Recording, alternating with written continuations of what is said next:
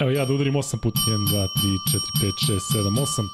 Za top 8 Partizana u Euroligi, za veliki uspeh Crno-Beli, za veliki uspeh e, srpske košake, kada smo kretali u ovu sezonu, pa čak i ono kada smo saznali da će oba kluba igrati, ovako nešto se čekalo. Šteta što nisu oba kluba, ali veliki, veliki uspeh i e, rekao bih da je možda samo početak jedne dobre priče, ako mnogi misle da je ovo samo sada ne znam šta, ali dobro, ajde da ne idemo koreku napred. Kuzma, desi, nismo se videli nekoliko sata. dva sata.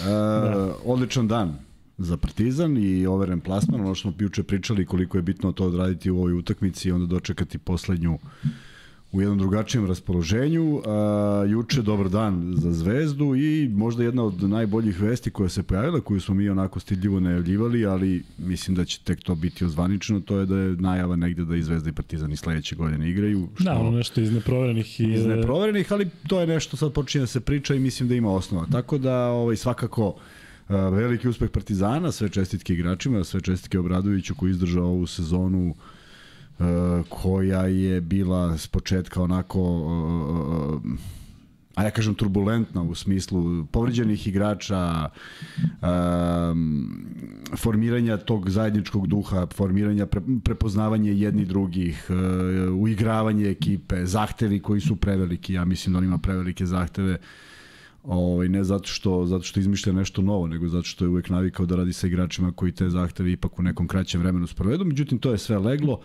I iako utakmica nije obećavala na početku, uh, zaista nisam mislio da će doći do do o, potpune predaje. Naprotiv, uh, svi ljudi koji su me kontaktirali tokom utakmice tražili su prognozirani rezultat. Prognozirao sam 82-85, tako da sam zaista za malo promašio i eto veliki uspeh Partizana, sve čestitke, uh, a analizirat ćemo utakmicu i gledati šta je sad to što može da se desi u nastavku u ovom posljednjem kolu, koje još nije odlučilo ni približno ko je na kom mestu.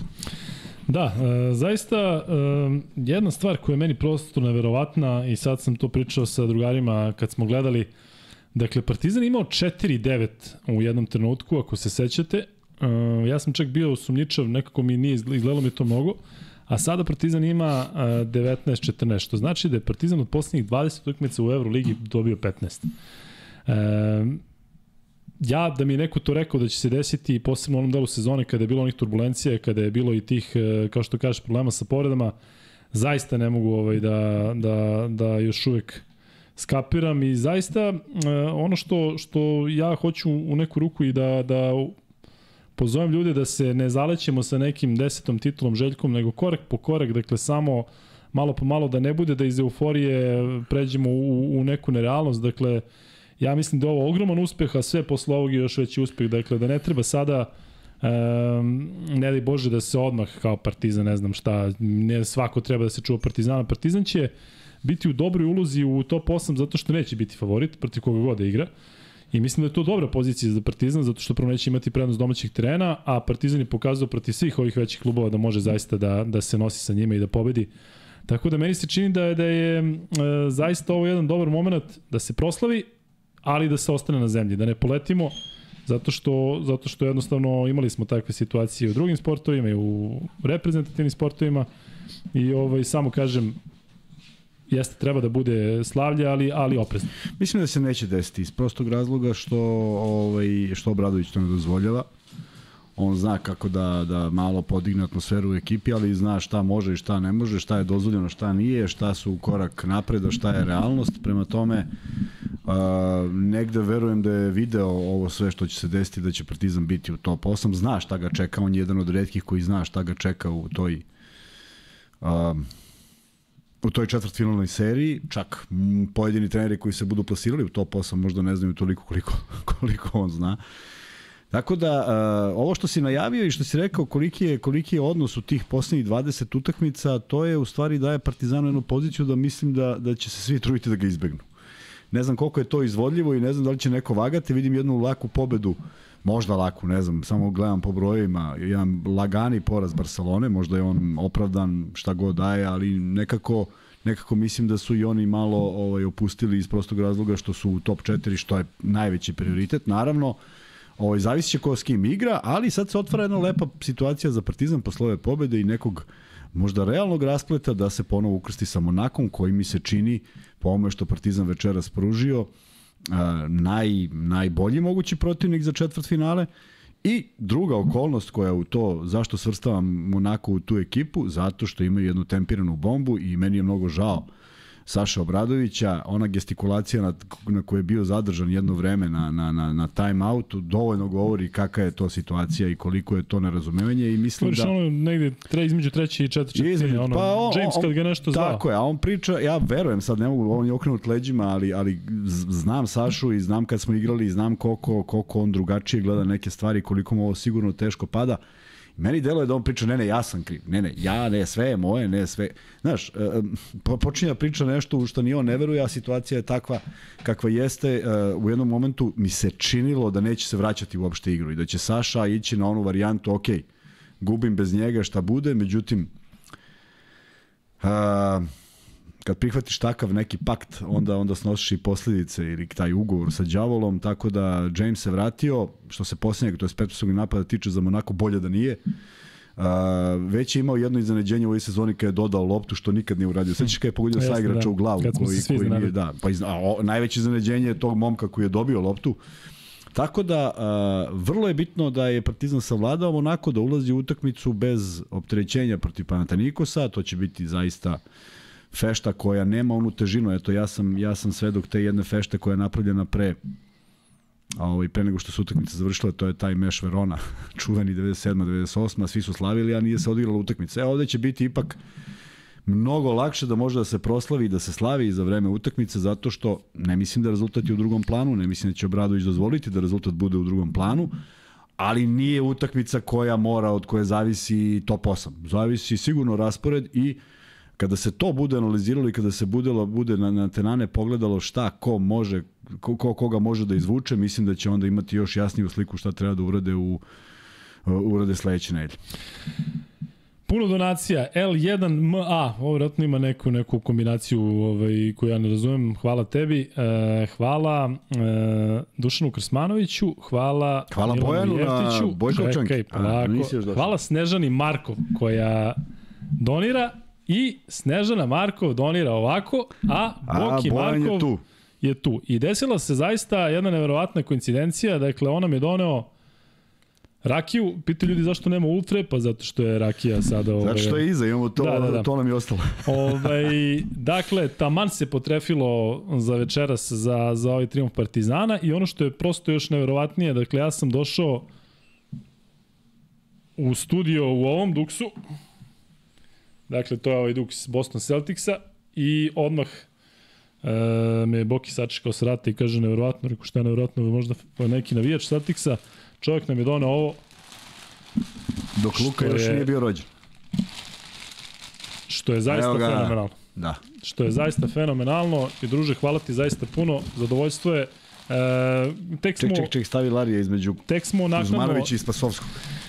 E, tek smo naknadno ovaj, shvatili da se znamo od ranije, zato što si ovde ovaj, prisudan. Šta smo rekli? E, Snežana je? Snežana Markov je, dođi ti šta? Sestra rođena, da, carski.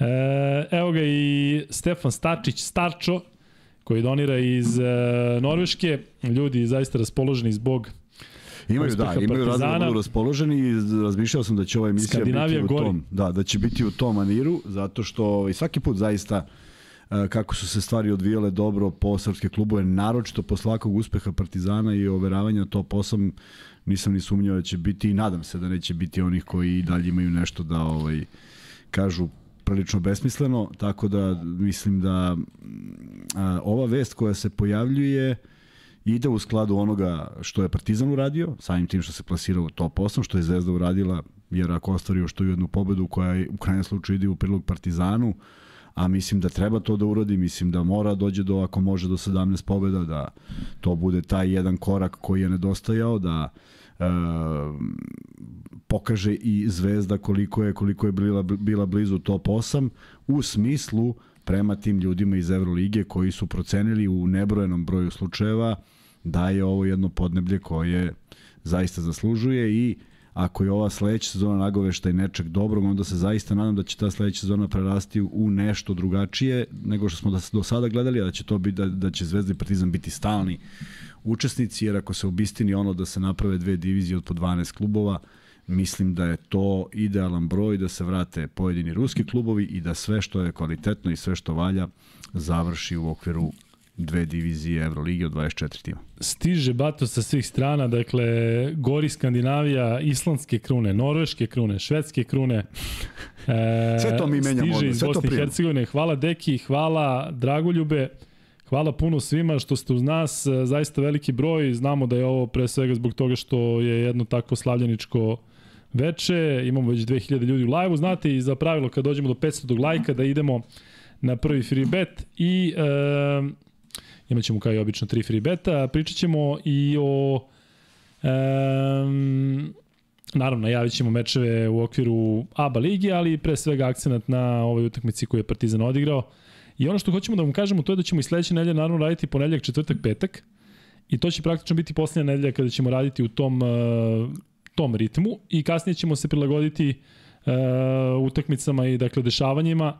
I ono što je takođe, takođe bitno da kažemo da ćemo imati one redovne normalne termine ponedeljkom u 9 i četvrtkom verovatno u 9 ali kažem prilagodit ćemo se dakle aktualnim stvarima 29 uh, do 20.000. Ja mislim da je zaista Da, sad je stvarno vreme moment... da, da dođemo do 20.000. Da, dođemo. Miksa, nam se pojavilo 99 yardi, 99 to... 99 yardi nam je na ekranu. Aj, evo, A? više nije. Dobre. Nemoj Miksa, molim Nemoj, te večeras, već samo sad ne. 29, dakle, 29 stižemo, raspoloženi navijači Partizana kreću u pret, u da. pretplatu da. sada. E, sada ćemo definitivno prebaciti e, 20.000 Uh, subscribera, uh, dakle, fali nam još malo, brzo stižemo i do 500 lajka. Hvala Dušanu Trikiju, uh, hvala Bojanu Bukviću, ovo je zaista jedno ozbiljno, ozbiljno veče što se tiče donacija, dakle, stižu u svim mogućim valutama koje postoje. Tako da, zaista je, zaista je jako lepo, zato što jednostavno, uh, ovo smo u suštini i čekali. Ja kažem, kod mene su zaista pomešane emocije, zato što uh, često se vraćam na to, možda sam nekom i dosadan, ali E, moj brat bi se, ja mislim, radovao više nego, nego bilo ko drugi ovome, zato što je dugo, dugo čekao ovo. Sećam se kakve je sve prognoze imao, koliko je bio i pozitivan, a sa, neke, sa jedne strane i oprezan, sve nekako proživljavao, obožavao podcast, radovao se svakom uspehu Partizana i rekao sada tamo negde gore, znam da ovo gleda i da je srećan i eto kada bih vam pročitao neke njegove poruke, e, shvatili biste pre svega koliko dobro poznaje košarku, I eto, poslednjih nekoliko meseci smo se toliko dopisivali sa sve baš stručnim stvarima, ulazili smo u analizu svakog igrača, defanzivno, ofanzivno. I ovaj, kažem, kod mene je to pomešano zato što sam zaista ja srećan jer je ovo uspeha, e, kažem, bio bih još sretniji da, da može to da se proslavi kako treba. U svakom slučaju, evo još opet stiže nešto, stiže Kuzma sa svih strana, ovdje izgleda ljudi ponavljaju ili, ili je neki bug. Ili je bug, stalno ide isti. Da, samo u drugim valutama. I evo iz Želimir Latinović kaže veliki pozdrav za najbolju ekipu iz Londona. Že je bio Želimire, veliki pozdrav za Gotovušu, veliki pozdrav za sve vas. Vidite kako brzo sve ide u smislu čata da ne može da se pročita zaista sve, tako da nemojte se, nemojte se ljutiti što neke stvari ovaj, propuštam. Šta kažeš? Te sam da kažem da se nadovežem samo na ono kada si rekao da za, za euforiju. Evo, uh, nešto što, što sigurno ćemo pričati o igračima i naravno da ćemo pričati o svemu što se dešava na utakmici, ali ako je bio jedan procenat šanse da je neko, nekako, ili možda Aleksa Avramović čuo da smo nešto pričali ili, ili bilo šta, na bilo koji način da mu je skrenuta pažnja, pogledaj njegovu smirenost večeras na utakmici. Kolika je to razlika od prošle godine? Kako ne?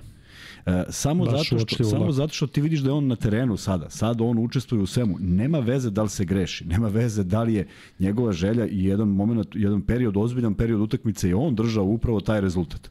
I naravno će doći do neke potrošnje. Naravno će ući u situaciju u kojoj uđe svaki igrač da, da prosto želi neko dobro rešenje, a ne desi se. Ali ja mislim da on odigrao jednu od najboljih utakmica svojih u, u Partizanu, a pre svega zbog toga što više nema odlačenja pažnje, nema nema komunikacije, nema ničega, jednostavno potpuno je smiren. Ja mislim da bi on ova dva bacanja slobodno proslavio. Prvo bi proslavio, verovatno bi otišao na kolena, onda, znaš, prošle godine, onda bi drugo promašio. Ne, on je završio, Uh, kako treba da se završi utakmica i to je ozbiljno veliki pomak u njegovoj igri koji, koji mu samo pomaže da svu tu energiju usmeri u jednom pravom smeru kao što je to uradio večeras, tako da ako pričamo o junacima utakmice, zaista mislim da je on u onom momentu kad je ušao bio glavni i odgovorni što uh, Monako nije otišao na veću razliku uz, uz svo poštovanje igre svih drugih, ali on je bio taj koji je uh, nekako mi deluje da igrači Armanija, da Armači, Monaka nisu shvatili uopšte šta se dešava. Oni su, oni su konstantno, kako god on napravi nešto, opet je, pono, opet je da. bivao sam. Neverovatno. Mislim da je pocenjen malo u nekom skautingu. Mislim da da, mislim da da. U skautingu ne, mislim da su to igrači uradili. Nema šanse da je Obradović utakmicu, Saša Obradović sprema utakmicu, pustite njega. Nema, ne, ne, nema, nego da u smislu akcena tipak na Panteru. Da, da, da, da. I, ta, tako, i kad se nešto zavrti, oni kao igrači da. u toj konfuziji potraže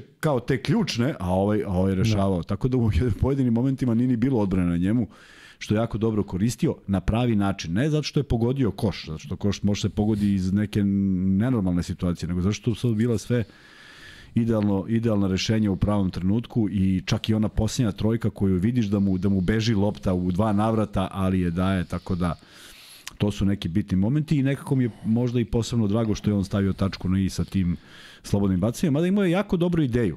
Na 1,6 sekundi je zviznuo loptu u vazduh i zaista kad bi pala na protivničku polovinu, ovaj, vrlo verovatno da bi isteklo tih. Ja, ali ono je ekstra, ono je inteligentno, dakle na dve sekunde pre kraja ako primiš loptu i baciš iznad glave, samo da ne doa. Ej, to je uradio neki ludak kojem bi, on je bacio ovako bez veze, palo ovom u ruke i dao, tako da mora da proceniš koliko ima i mora da proceniš gde pada lopta. Ali to je baš... vreme je mogla da se zagrli lopta i da se, da, da, da a sad da, više ne može, tako? Možeš, 5 sekundi možeš. Da je zagrliš? Da je zagrliš. Ovako, ja se sećam to baš što je pričao. Ovaj, nemaš, nemaš, nemaš. sam ti ga da, ga, da je zagrliš i da je ne daš sa svih strana. On će strana. napraviti faul. Mislim, legitimno da napravi faul, ne sme da, da zagrliš duže od 5 sekundi. Potpuno je sve da ne, držiš... 5 sekundi naravno, ali nešto sam čuo da to više ne može baš tako kao ranije. Ne, mislim da se išta promenilo. Da. Pravilo je 5 sekundi kako je ti držiš, jer kad bi sad dali sudijama slobodu, dalje je zagrlio loptu. Samo bi nam ne, to faul. bi neko svirao neki nameran faul. Ne, sva sreća, evo, potvrđujem ono što, što se desilo, bez obzira što je taj kontakt bio duži ovaj, nad Ledeju zaista, zaista su pogledali i slušali smo sudije šta pričaju i mnogo mi je drago što je promenjen kriterijum suđenja. Danas u korist Partizana, juče u korist Zvezde, ali ne bih voleo da su bili suđeni uh, kao namerni po svaku cenu, zato što prosto ovaj nije nije nije želim da se vrati košarka nečemu što je logično što da možda napraviš faul koji nije pregrub koji je uh, nesportski u svakom smislu što se namere tiče ako se poistovećuje sa namernim faulom ali mislim da su da su u, u drugom delu sezone sudije zauzele drugačiji kriterijum i evo gledali smo utakmicu bez mnogo gledanja u, u semafor jednu utakmicu ozbiljnog intenziteta, ozbiljnih, ozbiljnih fizičkih predispozicija, pa nismo gledali 400 snimaka kao s početka sezone. Kuzma, ti slobodno idi odremaj malo dok ja pročitam sve donacije. Ajde, dakle, Dremnuće. Srki... Evo imaju preko Paypal. Nikola Pavlović, Dalje. Zatim, Stefan Stačić stačo treći put. Grobar Jug 95, pozdravlja iz Ciriha. Idemo dalje, ako se neko propusti, nemojte mi zameriti. Nikola Pavlović sam rekao, Miki, Miki ja sam već rekao iz Švedske, Andri Kemaković naš, Ove, I evo je i Maja Marković. Maja Marković u posljednje vreme. Maja i Sneža, da. ili i Maju znaš? I Maju, i Maju, pa da. da. Ove, Dejan P. Dragoljub Nikolić, Miki Jevtić, stiže sa svih strana, kažem, prosto ovaj, razbija, razbija što se toga tiče. Zamisli, budemo u svetski prvaci, mislim da ćemo mi postati milioneri, a? Da, vrlo verovatno. A? Ali vidi, imamo jednu, sad, sad moram te prekinem, pošto mi je sad na ekranu, pa ne znam da li će ostati. A vrlo bitna, vrlo bitna stvar. Daj da čujemo. Vrlo, da, znaš koliko je bitna? Ovo je najbitnija stvar Uh, vrlo interesantno da što se Miloš Aničić pozabavio tabelama i konstatovao da ukoliko Zvezda pobedi Fener. A pobede i Baskonija i Žalgiris Fener ispada. Tako da ta utakmica Zvezda Fener ima ozbiljnu težinu za Zvezdu kao 17. pobedu, za Fener kao opstanak u play-offu. Da, e, i ono što je takođe, um, ajde da kažem, večera se pojavilo kao realna opcija, to je da Partizan igra protiv Monaka, dakle da to bude duel četvrte i pete ekipe. Pričali smo ja i Bojan malo pre, ja sam onako prilično oprezan što se toga tiče, zato što delo je baš onako kao da je na tacni, ali ono što je Ledej rekao nakon meča je nešto što mi se jako dopada, dakle i vidim da je potpuno iskren. I kada su u toku sezona oni Kevin Panter dali jedan intervju za Euroligu koji smo mogli da, da gledamo i slušamo u pauzama prenosa mečeva, dakle to Euroliga pusti um, što vi ne možete gledati, zašto gledate vjerojatno reklame i neku, neku dopunu, ali mi komentatori kada prenosimo Euroligu uvek, uvek nam ubace neke dobre priče i to je onako milina gledati. I e, to je bilo u delu sezone otprilike kada je Partizan imao 4-9. I onda u tom trenutku nije delovalo baš realno, ali Panter je pričao o tome kako želi sa Željkom novu titulu, onako prilično sigurno kako je došao na mesto sa tim najvećim ambicijama, Lede isto. Međutim, Lede večeras u onom intervju nakon meča rekao da mu se zaista čini da je tim nepobediv i da se tako osjećaju, da tako igraju i to zaista deluje, deluje tako. Dakle, nije sada da Ledej nešto tu hiperboliš ili bilo šta radi i eto, samo da, da, da se tako zadrži. Ja sam vam govorio tokom sezone i e, posebno u poslednje vreme koliko će biti Partizanu teško da protiv timova poput Reala, Barsa ili Olimpijakosa, ako se dođe do, do, do tih okršaja, da dobije tri meča uh, u tim četvrtfinalnim okršajima. Ali Kuzma, nakon svega što smo videli, neće biti lako nikome da pobedi Partizan tri puta. Neće, upravo sam to i konstatovao, zato što su možda ekipa sa najviše, najviše pobeda u, to, u tih poslednjih 20 utakmica, kako si sam konstatovao, kako su vrlo nepredvidivi. E, treba dodati da danas Exum nije bio na svom nivou, da je Lesor bio ipak neutralisan, ali to jeste ono što smo pričali, potrebno je tih osam igrača koji su koji su se menjali tokom sezone, Smajlegić odličan na samom početku, ulazak Vramovića definitivno promenio tog Panter koji postiže 8 poena, a od toga je ta trojka jedna od najbitnijih poena i Ledej koji e, je izgubio samopouzdanje u šutu za 3 posle one dva prva promašaja i delovalo da više neće. U, u nekim momentima je bio potpuno sam, ali vidim da je, da, da je, da je odlučivao da dodao iz onih pozicija koje mu nisu, daj da kažem, prirodne. On voli ono negde nula stepeni, pa malo prema 45 Tako da mi je delovalo da, da, će, da će sam sebe da blokira, međutim opet dobra rešenja i što je najvažnije, jedan promašaj sa linije slobodnih bacanja, nešto što nešto što uh, treba imati dobar njuh, pa na kraju utakmice kada se lomi rezultat i izvode slobodna bacanja, a ti imaš takve šutere u ekipi da Ledej primi loptu i da to bude odluka ovaj, to da bude odluka Obradovića. Ne verujem da se slučajno desilo, znaš, kao on je sam. to, to mislim da ne funkcioniše baš tako. Pogodio i ta dva i faktički to su taj, taj, ta završnica i ta slobodna bacanja su i održali održala Partizan u, u, u prednosti koja nažalost došlo je do tog jednog pada. Ako ne mogu da računam početak utakmice, nekako je sve izgledalo ovaj, naopak u igri Partizana, a onda sam shvatio da je u jednom trenutku šest razlike za Monako koji igra odlično prvu četvrtinu, a Partizan se još nije ni počeo da se sastavlja, a bilo je samo šest razlike. Dakle, nije tu bilo izgubljeno ništa što nije bilo moglo da se nadokladi, vrlo brzo se nadoknadilo i samo jedina stvar koju treba analizirati to je taj tih minus 11-13 koliko je Partizan napravio u jednom momentu to u utakmicama koje će se igrati na, na ovom nivou, jedna je, svaka je bitna, neće, neće moći da se nadoknadi, ne možeš svaki put da nadoknadiš nekom energijom iz prostog razloga što ne pali to baš tako. Ako se uzdaš u to, ma imamo mi fore, stići ćemo, nekad se ne stigne. Evo, Dragoljub Nikolatić kaže, Luka Ladej odlučio najbitniju utakmicu u sezoni. Šta ti kažem, Dragoljub? Ove, šal na stranu, zaista mene nije iznenadio i znate koliko ja gotim Ledeja i zaista kako je mirno šutnuo sva ona slobodna bacanja bitna i koliko je dobro odigrao. I sad ljudi vidi njegove poene, bavit ćemo se uskoro statistiku, međutim on je zaista sve tako dobro pokrivao. E, u jednom intervju za Sport klub, to sam danas čuo, pre početka meča, pričao je malo o tim svojim nekim navikama, zašto nosi onaj ranac, šta zapisuju svesku. I zaista momak je maksimalno fokusiran i kažem, e, ako je moguće zadržati ga što duže u Partizanu, da ako je moguće do kraja karijere, iako je relativno mlad za jednog Amerikanca u Evropi.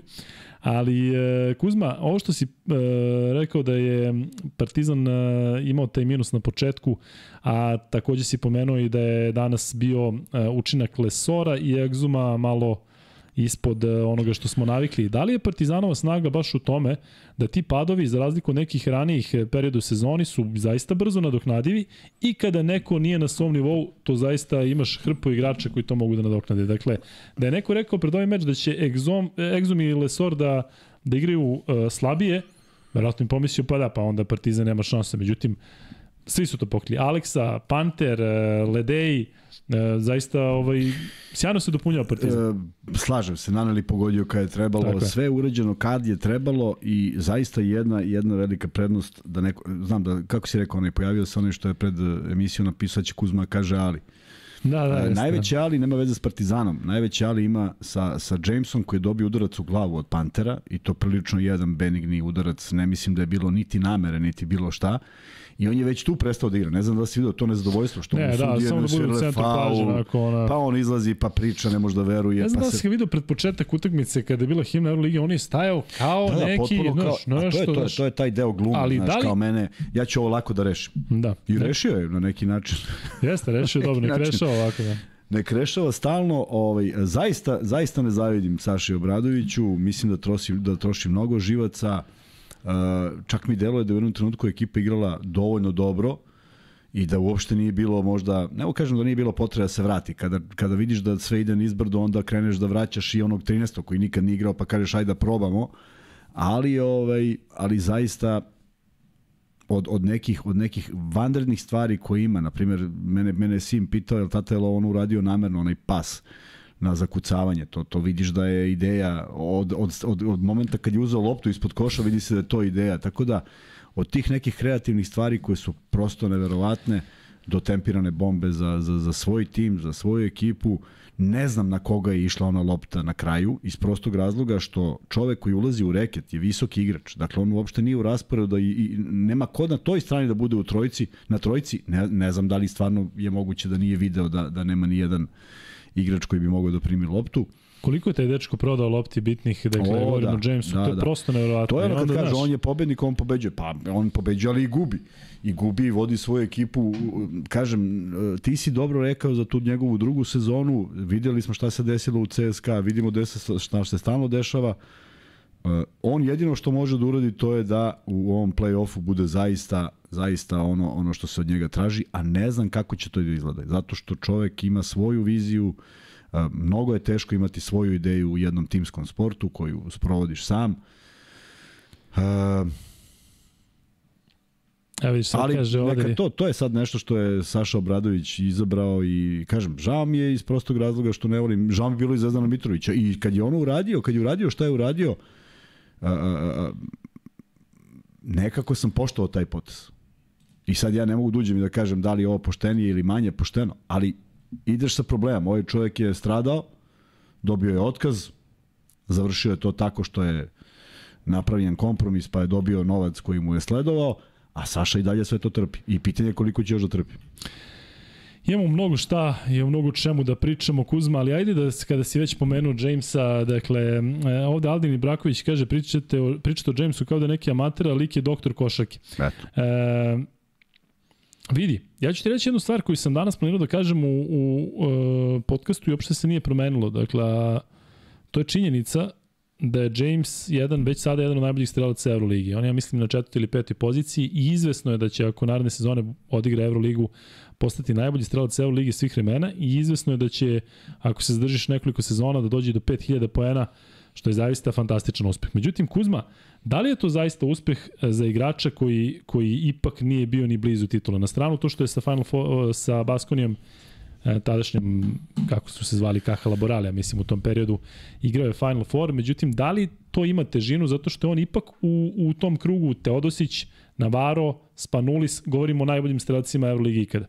Jel to ima težinu? Sad, James ubedljivo prvi najbolji strelac Euroligi svih vremena sa 5057 pojena. Mislim da u njegovoj glavi i da je to njemu jedino što može da prija. I A, nema, znaš, izvini, nema, znaš, šta me, znaš šta me onako iskreno, ovaj, onako me telano na mišljenje? Da li tako Amerikanci razmišljaju o Nikoli Jokiću? Svaka njemu čast, statistički super, od njegovi timovi ne, ne, ne, ne postižu rezultate. Pa evo sad su postigli. A, na kraju eventualno da, kada ti konstatuješ da je on MVP, a ima ekipu, sad govorimo ima ekipu, ja mislim da je James igrao u ekipama koje su bile preozbiljne. Je li tako? Jeste. Uh, mislim da je on želi da bude iznad tima. Što je jako teško. U evropskoj košarci može trener ti dozvoli i kad, mu, kad ti trener dozvoli, taj se zove Dejan Bodirog. Taj drugi se zove Saša Đorđević, je tako? i zovu se Saša Danilović i bilo još, da ne bude samo da su srpski košarkaši bili ti. Bilo je takvih koliko hoćeš, ali oni su vodili svoje ekipe. Vodili i dovodili. James nije u stanju da dovede ekipu zato što upravo ima taj svoj ego je iznad, iznad ekipe. Možda je njemu bitnije da piše 5057, a da nema titulu. Ja svoju karijeru kad gledam i kažem da sam igrao u najboljim timovima u svim zemljama u kojima sam igrao, sem eto u toj Grčkoj gde su gde, gde stice okolnosti bio da je taj tim ušao iz druge u prvu ligu pa nismo mogli da budemo favoriti, sve ostalo mi izuzetno prijalo što sam među najboljim igračima. I mi kada završimo sezonu ili smo među 24 najbolje igrača ili smo među 12. Tako da to svakako prija i to je negde što te nešto što te, što te vodi. Njega deluje mi ne vodi to isto, nema taj osjećaj prema, prema, prema ovaj, uh, uspehu ekipe. Sećaš se koliko pričamo o Omaru Kuku i o Jacobu Pulenu, izuzetnim igračima, ne taj nivo, ali izuzetni igrači koji mogu, koji mogu šta? Mogu daju koliko god hoćeš poena. I James može da sigurno koliko god hoćeš poena, ali da li može da dovede uh, svoju ekipu do titule? Ajde da vidimo da li može. A mislim da mu i nije važno. Jer ovoga ne bi svega bilo. Taj razgovor na, na time outu je toliko ružan, nepoštovanje svega. Sad ovo što je ovo, Pa da. on se u jednom trutku okrenuo i kaže šta se desilo. Da. I sad On, ovaj, kao kad je Obradović okrenuo leđe, on kao, pa on znaš, pa onda kreće Markovišvili nešto. ga pa, nešto, pa, znaš. da, pa, na, znaš, to, to, je, to stvara jednu, jednu ružnu sliku. Podjednako ružnu sliku kao odlazak Katamana sa, sa ovoga. Znaš, to su stvari koje remete tu neku kulturu u krajnjem slučaju. To, to što se dešava. Gledali smo, gledali smo i Željka u Feneru. Ajde, idi obuci se. Pa makar, od, od, od, nisi više tu, nema diskusije, nema, nema kvarenja. Da. Ovo nekako upada u oči da se to dešava stalno kad je on u ekipi, da kada smo pričali o tome kada je Saša Obradović bio na onoj ivici da li ne, da li da, da smo negde se vi konstatovali da će to pre ili kasnije da se, da se, da se is- iskomplikuje. Sad se iskomplikovalo, ja ne bih želeo da se Saletu iskomplikuje i da se on ne plasira na Final Four ako može, da se razumijem. Ako može Saša Obradović da bude predstavnik Srbije u bilo kakvom susretu i da može da prođe, ja, ja sam za to. Samo ne preko Partizana, ovako. Pa eto, samo da ne bude s Partizanom, da, ali onda imaš dobitnu kombinaciju da je da, da će ili Partizan ili Saša Da, Bradović da. biti na na Final Fouru, imaš ove ostale kombinacije da može se da niko ne bude na Final Fouru. Ali bilo bi divno da dva Obradovića budu na Final Bilo Fouru. bi, To bi bilo bi. bilo E, ali da li to može? Da li to može da se desi u ovakvoj koncepciji? Jer vidi, ne mogu da, da, da se otmem utisku da su mu svi zaigrači, saigrači zadovoljni. Ne mogu, ja ne mogu da sad zamislim tu slačionicu večeras gde imaš mnogo pogođenih igrača ovim porazom, iz hiljadu razloga. Jel misliš stvarno, zato što njima peto mesto zagarantovano, oni ovim ništa Nema ne veze, ne, pa zašto je bilo, zašto je bio ozbiljan napor? Nisu oni igrali neku šajla bajla košarku pa malo palili kao Baskonija 72 šuta od toga 37 trojke. Nije nije baš bila ne naporna utakmica, nego je baš bila na, na jedna izuzetno tvrda ajde da kažem iznad iznad nivoa kvaliteta evroligaških utakmica kakve gledamo u poslednjih nekoliko nedelja za ove naročito za klubove kojima je to sve ovaj uh, postao deo ajde da se završi. Tako da ne verujem da ima onih koji mu neće nešto reći. A bojim se da nemaju šta da mu kažu jer, je- jer su svi na njegovoj strani. Kad kažem svi, oni glavni koji se pitaju. Kuzma javljaju da je 20k prebačeno. Čekaj, pa šta što mi I, niko nije I javio? kažu da moramo da probamo ovu rakiju. Tako da, Čuj da probamo. apsolutno se Pa, ovaj, mi, će- mi potrefilo. mi smo već probali. čekaj da pogledam. Sad moram da vidim. Miksa, mogu te zamolim za još dve čaše, znam da si ti sportista on all the way, ali za tebe i za Boke. 20, tačno. E, jes. Moram slikam, majke mi. Daj da se ja Čekaj, čekaj, odsubscribe-ujem. slikam bre sada. Evo ga, imam sliku 20. Ljudi, šta da vam kažemo, zaista je divno, zaista je fenomenalno. Dakle, hvala vam puno, gledanost večeras e, očekivano velika u live-u. Prebacili smo uliko 500 lajkova, pa ajde da ispucamo i taj prvi free bet. E, lepo je zaista ovo sve što se dešava u vezi Partizana, ali mislim da je dobar moment da se prisetimo nekih uspeha od ranije. Zato će prvi free bet biti e, kako se zovu dva trenera koji su na posljednja dva Final Fora vodili Partizan. Dakle, e, dva trenera koji su na posljednja dva Final Fora vodili Partizan, e, možete napišete bilo kojim redosledom i ko prvi odgovori dobija prvi free bet max beta. E, mislim da možemo večeras da se bahatimo pa da kažemo kada dođemo do hiljaditog free bet, e, ovog lajka da, da ćemo da ispucamo drugi free bet. U svakom A slučaju... na 10.000, znaš šta će da se desi? Ludilo. e, ali bez zezanja, mi se ovde zezamo sa tim lajkovima i sa nekim um, granicama za free bet, ali stvarno mislim da je bitno. Pričali su mi ljudi konstantno da je to neki algoritam, da svaki lajk je bitan, šerovanje. O, sad 20.000. Pa, evo, već, već zvone telefon. Ne, mislim da to, to je, to je čak ovaj... Zovu iz YouTube-a i pitaju, ste vi prešli 20.000? Evo ga Miksa. sad ćete Miksu vidjeti u jednom trenutku. Miksu toliko dobro znate da nema šta. Ovaj, Miksa, možeš slobodno ove za vas, ja ću da pijem iz ove veliki Max Betove, tu ovaj, ra, namir sam da, da, da raspalim. Kuzmo, ti da sipaš, tvoja ruka je... Čestitke na potpis. Živi ovaj, Miks. Kako je za... Ovaj, poseban moment. Drago nam je Miksa da si tu. Pravim sliku, pričekaj samo 20.000. Čovjek neće da si sipa rakiju po toti. Čekaj samo da pošalje. E, prvi free bet je dobio Evo ga ponovo Dušan Krsmanović i kaže idemo 20k, koji je format Evo lige teži po vama, oni kada se nije znalo ko se s kim igra, ko će s kim igrati cele sezone ili ovaj By the way, da li ste videli da je sponsor Beograd Evo lige kada se prikaže statistika? Da, ja sam to znao, uh, to ja mislim još čak od prošle godine. Uh, I da vidimo, toliko ljudi ima i toliko poruka ima da ćemo teško da pronađemo ko je osvojio ovaj prvi free bet. Svima daj free bet. Svih 20.000. I hvala puno svima na čestitkama. Neće se žaliti ovi iz MaxBet. da. Tačan odgovor je Dule Kimi, bravo. Dule Kimi je uh, Kimi Bogović. Eto ga, 20.000 u ovom momentu, pa to je baš dobro. Fantastično. KG Soul BL je dobitnik... Pa znaš ko je to? Ko? Pa Nerad, što je bio banovan, pa se prebacio na taj Nemo me zezati. Aha. Pa ne, pa odbano, odbanovali smo ga? Jesmo, ali sad da, koristi da, taj. da. Sad koristi taj. Nešo, ako si ti onda znaš koja je priča cepaj na luka i kuzma at gmail.com. Kuzma, hoćeš li skipati ti u rakiju? Ljudi čekaju ovde. Gu, O, šta mi radiš? tresu, se- tresu se ljudi.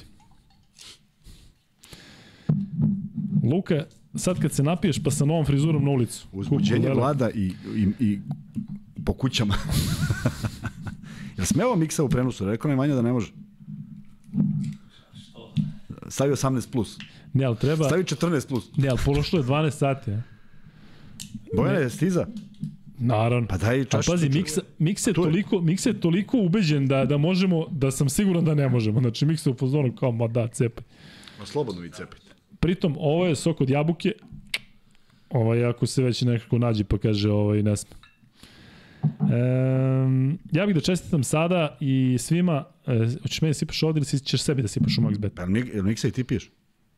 Ne. Vidi ga, miksa što to već. neće da opa. Ja vozim, dođi ovde nazdravimo, evo ga. planiramo če, evo pa nego šta će. Uđi, uđi u kadar, ovamo, Slobodno, s, ove, slobodno. s, s ove strane. Iz, između mene i Luke dođi. Slobodno cepaj ovde, Boki. Eto ga.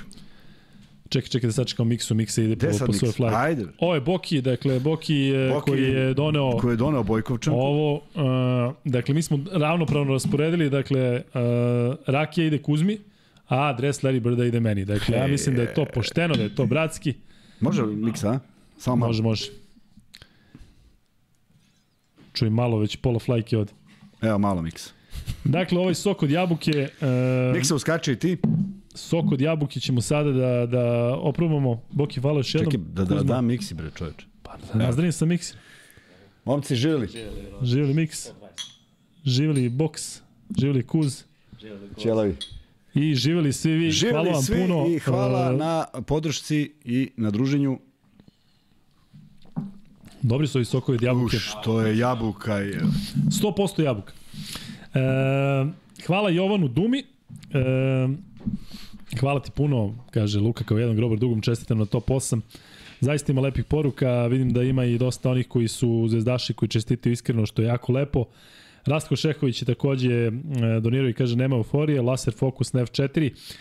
Dajte da idemo samo korak po korak, molim vas, vidim da je svi ovde pričaju o Kaunasu i danas ja dobijam tolike poruke. Ali evo već kad smo kod poruka, hoću da kažem još jednom da čestitam uh, mm,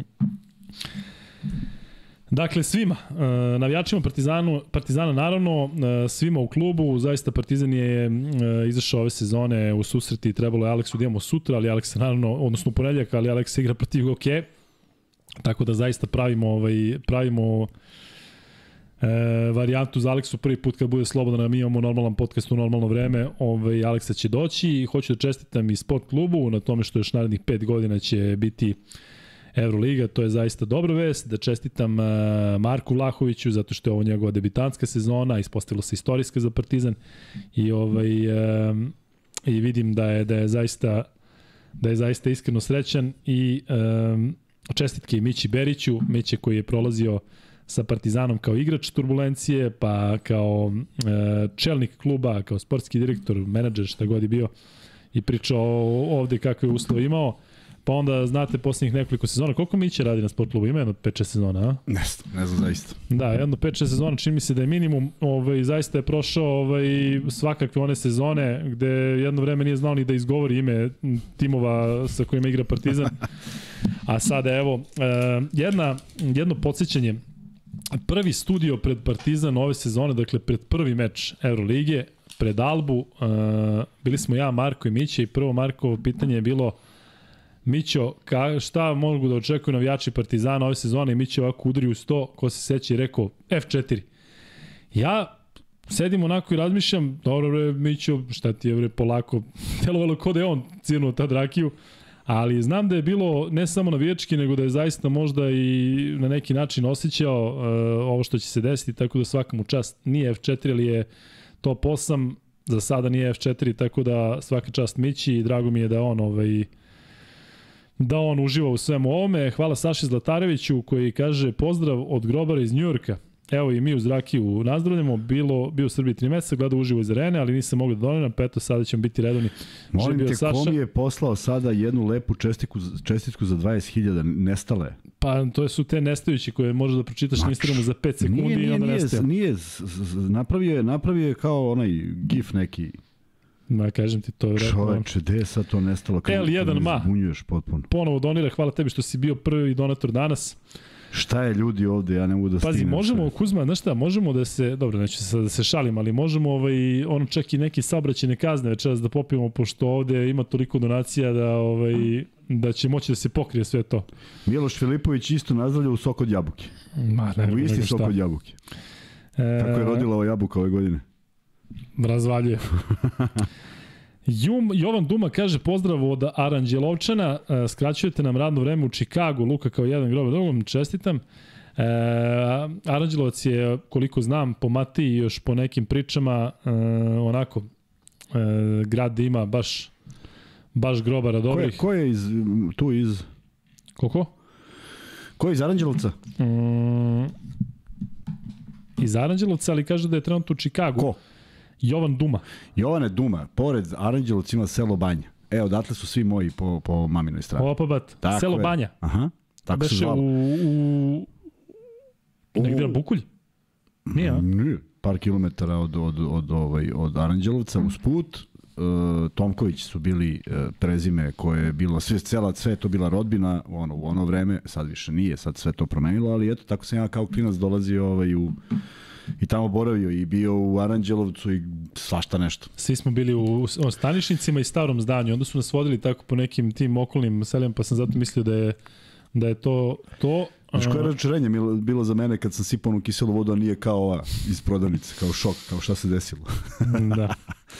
E, Matija Milović donira i hvala puno Mati, a Miksa ako možda staviš pol da vidimo koliko ima e, grobara sada, dakle znaš za onaj redovan naš pol. E, mi možemo da se vratimo u utakmici i da Kuzma još jednom kažemo da je Partizan danas e, malo slabije ušao meč, ali to se jako brzo Jest. e, rešilo i Partizan je čak u završnici poluvremena igrao sjajno, onda u trećem e, kvartalu, u trećoj četvrtini imao plus 15, pa onda ponovo jedan pad i, i serija od 11 poena e, Partizana, ali kažem, meni je to sasvim ok, zato što je Partizan pokazao da može da odigra utakmice onako od e, početka do kraja kvalitetno, a da može da odigra i sa usponima i sa padovima, i što je najbitnije za Partizan da, I što da je dobije. najbitnije završi sa usponom.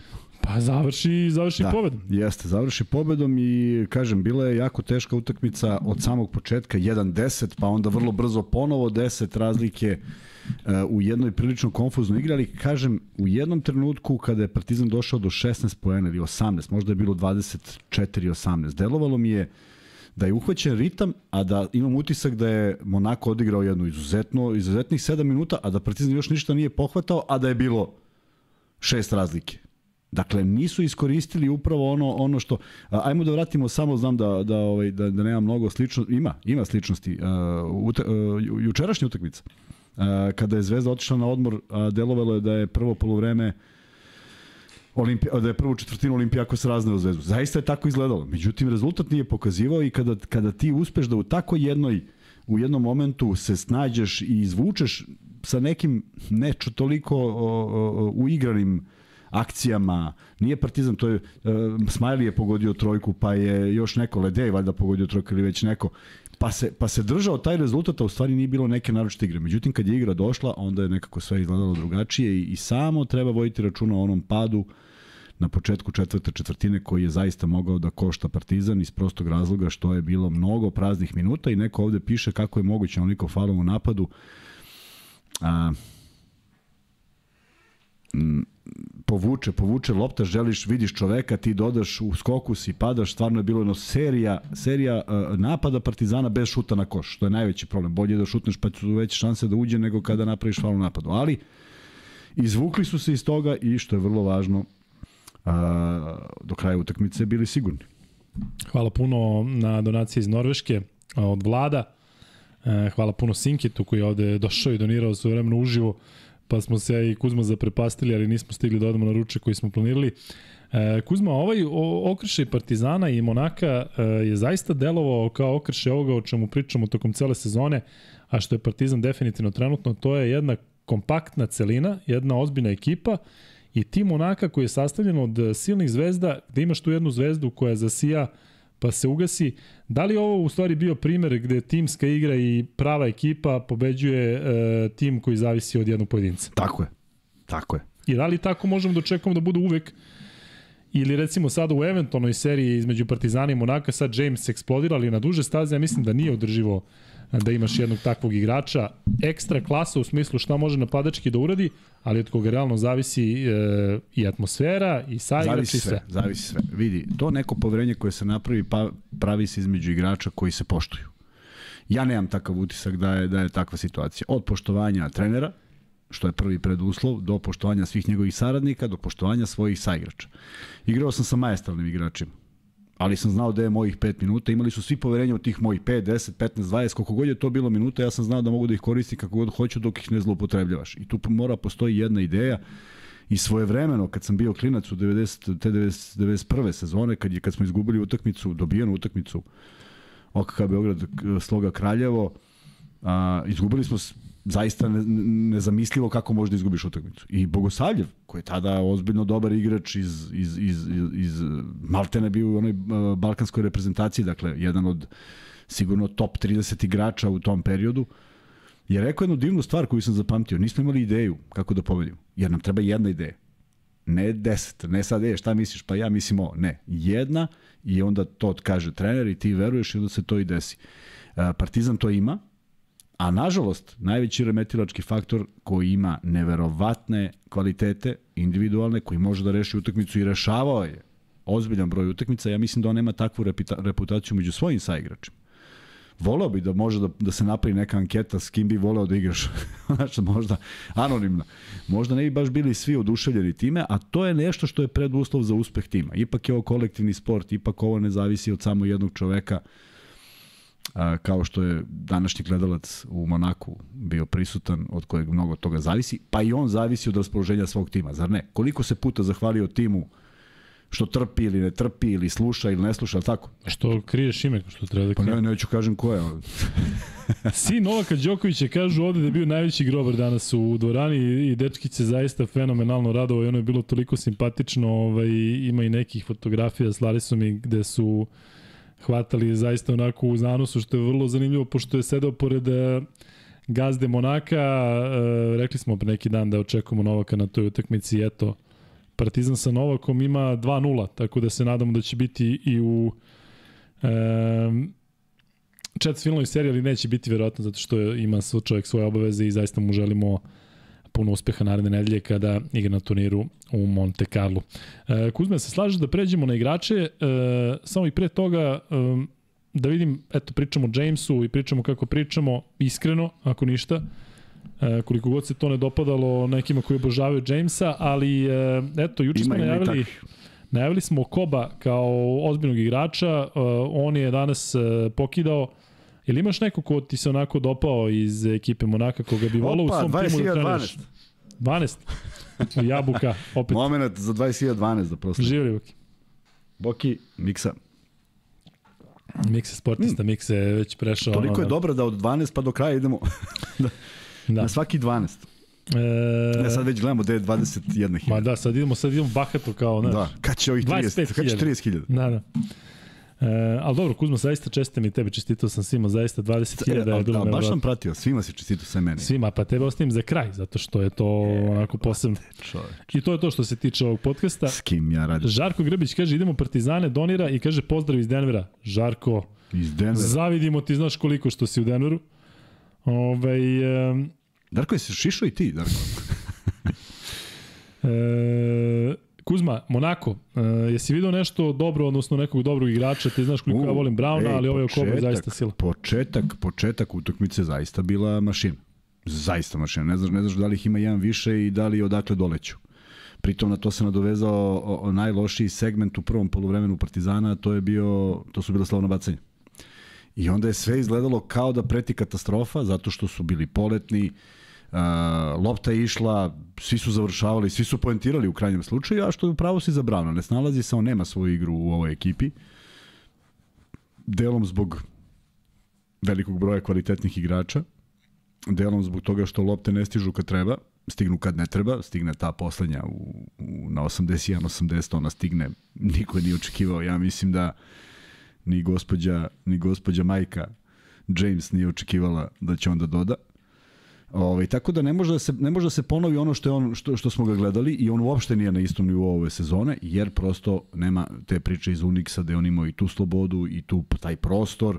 Ovde kad pogledaš reket je uvek uglavnom popunjen, nema on one njegove duge dvojke u kojem je bio maestralan. On nešto što je šutirao sa tih 4 metra, to niko nije pogađao kao on, bukvalno iz svih pozicija. Jesi imao to u nekoj ekipi u kojoj si igrao da jednostavno ti ne paše sredina da ti ne pašu saigrači kao što smo znali da je Bro- Brown onako dobra opcija za Unix, a ovde ipak potpuno drugačije. E, Na svu sreću nije mi se dešavalo da smo nalazili mesto svakom. Drugačije je vreme bilo. U svim ekipama, tako? U svim ekipama. Pa, znaš, zaista sam blagosloven što sam igrao u ovim ekipama. Pa, ajde samo kad, iz, sad me pitaš ko je bio čovjek koji šutira s 4 metra iz svih pozicija, Milenko Topić. Dakle, stvarno je bio, on je, on je uzimao te šute koje možda redko ko šutirao. Mi smo šest godina igrali zajedno. Šta ti kažem, znači, zadovoljstvo da. da igraš čovekom koje poznaješ u svakom smislu reči. Tako da je... Ovaj, A u inostranstvu? Je li tamo drugačije? Su tamo U drugačije inostranstvu je priče? bilo potpuno drugačije, da, ali sam, ali sam imao tu sreću u Belgiji da uletim u o, ozbiljno, ozbiljne američki, a, a, američki igrači sa ozbiljnim pristupom evropskoj košarci kakav treba da bude. I neverovatno je da smo imali raspon, rekao sam ti, od 5 do 17 poena. Znači, Da. svi su igrači davali kao što, kao što, je, što, je, što je snaga nekih evro, evroligaških ekipa. I neverovatno da Ron Ellis, koji je možda i pedigreom bio najmoćniji, igrao za 92. ja mislim da je da igrao za New York Knicks ili za New Jersey, ne mogu da se setim. Čovek je, uh, imao je šut uh, iz mesta, sa zemlje, izuzetno jak, šutirao bukvalno iz, iz, iz, iz globa, Ej, podigne ovako loptu, trojica skoči i on uzme lepo. I nema ono sad po svaku cenu da on zabeleži, nego samo je ćušna na stranu, ona kružila, zato smo igrali možda i najlepšu košarku tada, doneli smo mi malo neki taj srpski šmek, Šubara i ja, a imali smo igrače koji su nam verovali. I onda je to bila jedna dobra, ovaj, Da. dobra, dobra ekipa. Tako da, uh, Brown nije se naš, snašao u Monaku, a, nije isti igrač koji je bio, međutim Okobo u momentima zaista deluje. Sad je naučio taj step back. Mislim da deluje mi da je naučio ovaj, od Jamesa i da ga koristi vrlo rado i vrlo često, nekada malo preteruje. Ali da, igrač koji može da ga zameni, mislim da je igračima lepše kad je on na terenu. E, lepše možda i za gledanje. I lepše smislu izgleda. ovako Da, lepše izgleda. neutralno gledajući sa strane, dakle Okobo je neko ko zaista gleda da iskreira i da pronađe najbolje rešenje. James nekada deluje da pronalazi najteže rešenje Ali, i najteži šut. Gledaj, gledaj u čemu je razlika. Gledaj u čemu je razlika. Ja sad ne mogu naravno se zakunem da li je bio faul ili nije, ali mislim da je Avramović u tom momentu u prvoj četvrtini odigrao fenomenalnu odbranu na Jamesu. James je šutnuo jednu bombu i pogodio je donji deo table, suprotni donji deo table. Nije potrčao nazad, nije uradio ništa, nego se okrenuo prema sudiji Što gestikulirajući. stalno radi, da. Pa upravo kažem, znači ako se desi, a desi sad te neko provali u odbrani, pa nisi svemoćan, pa hajde bre beži nazad, spreči tu kontru. Nema sad da raspravlja što je nije svirao faula, nema, nema ni, ni blizu. A jesi video Koba? Kada mu je da li Exum ili neko bio na ruci, pa je napravio onu malu zadršku, pa je bućno, vratio se nazad čovek, Da, da, da. dao koš i idemo dalje. Tako da neću da nerviram ove momke kojima se James sviđa, imali smo, imali smo svi idole u koje, koje smo gledali kako igraju, ali imaš ljude koji mogu da dovedu jedan tim do vrha i imaš ljude koji to nikad neće uraditi i dalje, i dalje stoji da su dobri igrači, samo nisu pobednici, to je osnovna razlika. Pobednik ili, ili gubitnik. Mike Jakšić donira iz e, Čikaga i kaže pozdrav za najbolji košarkaški podcast od Deli iz Čikaga, veliki pozdrav za tebe. L1MA opet e, donira ko zna koji put večeras i kaže sad za top 8 Marko i Luka zajedno da prenose. Ne bih iskreno da remetim ovaj e, ritam koji je Marko sam izgradio, e, zato što mislim da zaista radi vrhunski i e, zaista mu želim da, da prenosi iz, iz Kaunasa ako je moguće. E, James je kanta. da. Ovaj... Nije daleko od toga, ljudi, znači morate razumeti. A ne, on je toliko dominantan. Ja tako, sam gledao neke njegove tako, treninge sa, da, sa ozbiljnim playmakerima. Da, nema, nema tu zbora, ne možemo mi sad pričamo, izmišljam. Ali on to radi na treningu, dakle on stvarno, ja mislim da se sve možda stoji, čak i ne folira, stoji. on je, on je jednostavno sajla koja pokazuje svima da je sajla. Dakle, on na treningu isto uzima neviđeno teški šuteve. Ti ne možeš da veriš, on se okne rolling, pada u out, igraju jedan na jedan preko celog. Sve stoji, on je tako i šutirao na nekim utakmicama. Izgleda da. jezivo kad promaši. Kad to uđe ti kažeš je, ali kad promaši to je jezivo jer nema nikakav Jest. rezon. Četiri igrača sama stoje da, da im se doda lopta. Uh, mnogo je teško raditi s takvim. Ima ta jedna kategorija, tren, kategorija koju treneri vole. Sad, kako bi to u jednoj reči preveli uh, na, na engleskom je kako, kako se workable Da, pa nije baš prevodio ako na to misliš. Da, ne može jedna reč, ali na primjer da. zadovoljstvo je raditi s nekim. Znači ti mu nešto prenosiš neko znanje, a on voli da radi. Mislim da je najbliži naš izlaz zahvalan, u smislu ono da... Može, možemo kažemo da. zahvalan igrač, ali čak čak ne zahvalan zato što će onda uradi nešto sa da, da. što zna, nego jednostavno čovjek da, da. s kojim voliš da radiš. I evo sad vraćam, vraćam sliku, ti pričaš o, o kvalitetima i ja neću zaboraviti tu anegdotu koju mi ispričao Kokoškovi, kaže kad je učio kad je učio uh, Granta Hilla, onoj finti koju je koristio Bodiroga, Bodiroga izmislio verovatno Kića tamo još 80-ih. I ostavi ga na terenu i ode na sastanak i vrati svoj gola vode i kaže, coach, pogledaj, naučio sam. Dakle, dakle ovo, je, ovo je hteo to da savlada, dopalo mu se. Ja mislim da da Saša Obradović da izmisli sad nešto što niko što svet nije video, ovaj će da gleda onako znači kao ne, to mi ne odgovara.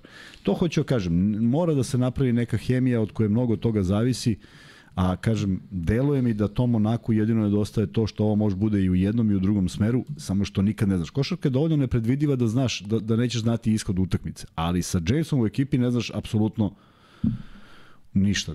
Saša Obradović ne može da neku smislenu izjavu šta ga očekuje u play-offu, to sam ubeđen.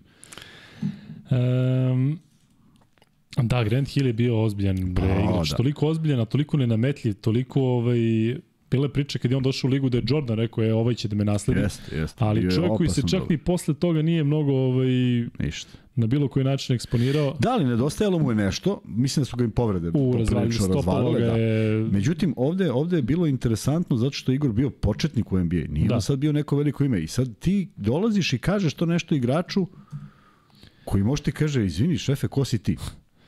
A on uradi i počne da radi i kaže ne da radi, nego nego savlada sve to i zadovoljno mi konstatuje zato što je takav, takav, takav je ovaj njihov stav. Taj trener je tu zato što nešto zna. Oni znaju da taj Igor ne može da bude tamo zato što ga neko voli ili zato što je nečiji rođak, nego jednostavno mora da zna. Prihvate tako nešto. Ja bih voleo da James u Saši Obradoviću, u Zvezdanu Mitroviću, u Itudisu vidi, vidi učitelj. Ali mi zaista ne deluje da je to tako. I se slažeš? Pa slažem se, čak mislim da verovatno smatra da je pametniji od njih. Upravo. U smislu upravo. da on... To je jedan stav koji ne daje da. rezultat, da. to je point. Daje rezultat, bit će ne on... Pametniji, nego da jednostavno znaš. Pa jednostavno šta, znam da. ja to. Mogu ja to i ovako. Ne, ali te najveće zvezde u NBA ligi zaista mislim da imaju ogromno poštovanje. Darko je ovde pričao tako o Kevinu Durantu i Russellu Westbrooku koji je. zaista jednostavno hoće da pokupe neke tako stvari. Pričao i Dejan Milović kako tako jednostavno... Je, kako radi. Steve Kerr i, i Steph Curry koji njemu prilazi kaže e, dugujem ti šest pojena zato što mu ovaj rekao je ne znam iz ove kretnje probaj ovo vidiš da ovaj višak igrač tako stoji u Kaže ovo su tvoji poeni. Tako je. Zamisli Steph Sad je on to posluša kao šta bi ovaj kaže ajde da vidim i upali. Pa šta ćeš lepše? Da. Pritom, ja sam ubeđen da Saša Obradović ne priča besmislice, da. je tako? Znači, on sigurno nešto kaže, ajde, ajde, ajde dokaži da ne može. Probaj, dokaži da ne može. Imali smo, imao sam, ajde sad nešto opet anegdota, svi znaju kako je bilo, i svi znaju, svi znaju iz moje generacije kako je bilo trenirati kod Rusa. Svih ovih 2400 svi, znaju. Svi, da, svi oni znaju. I sad Darko Russo ima jednu fantastičnu zamisao koja je bila neostvariva. Dakle, on je voleo da iz dijamanta, svi ljudi mogu zamisliti šta je dijamant, ko se malo razume u košarcu, o, košarku, sve što se, što se koristi od ozdo i izlazi se kroz, kroz blok, on je insistirao da iđeš pre igrača. Pre igrača, Da, da ti proceniš gde će taj James da istrči i da uletiš u kretnju i da izađeš na, na blok pre njega. Mislim, nemoguća misija, osim ako nisi slučajno pogodio da. stranu, iako nisi, sticajem okolnosti, brži od tog igrača. Onda imaš neke šanse. Ali u 99% slučajeva nemaš te šanse, jer kad se promeni ritam, kasniš na koje god da si strani. Ja sam pokušavao i pokušao i nekad sam uspeo da izađem. I onda sam dobio takvih tri udarca u ruke da sam izletao iz bloka i rekao, pa jebi ga, ovo nije moguće. I kako sam to izbacio naj, najčistije iz sebe, kamikaze, a? mislio sam. Mislio sam da će mi reći da idem da se obučem, mislio sam da sad ću ja raditi, sad ćemo svi da radimo kamikaze, jer on to kad kazni ne kazni i sad, znaš, samo jedno. On je rekao, idite da šutirate. Mi tre, sledeći trening više to nismo insistirali. Da li je on shvatio Dobro, da ne može? je i upravo vidio da- to, upravo to. Dakle, nikad on nije rekao, je, vidio sam ono ne može. Ne, on je samo preskočio Da. to. Ali hoću da kažem, to su vrlo bitne stvari da imaš poverenje u trenera, a ako ti smisliš neki pote sam Tako i daš koš, nikad ti trener neće prigovoriti. Željko Bradović, ne vidim da priča o dobrom napadu. Ne vidim da je ikoga ukorio za dobro napad. Ne, ne za trojku s 9 metara. ne to. Nego za ovo što je danas Aleksa uradio. Pa pap, pa pap. Šta? Dođe kaže, e, to nije bila akcija. Ma nemoj. Pa ko, ko, će, to, ko će to normalno da, da prigovori? Matija kaže, Željko jedini može dovesti majka u red. Nisam siguran. U, da, mislim ovaj, da bi tu bio... Ali bilo bi interesantno da ga neko ukruti i da vidimo zaista Jamesa u, u punom sjaju, zato što bi onda zaista bio Zamisli da on bude taj da, neko koji da. je produžena ruka trenera i tačno radi ono što radi. Pa ja mislim da bi njegova igra bila još 30% produktivnija. Na sve to što zna.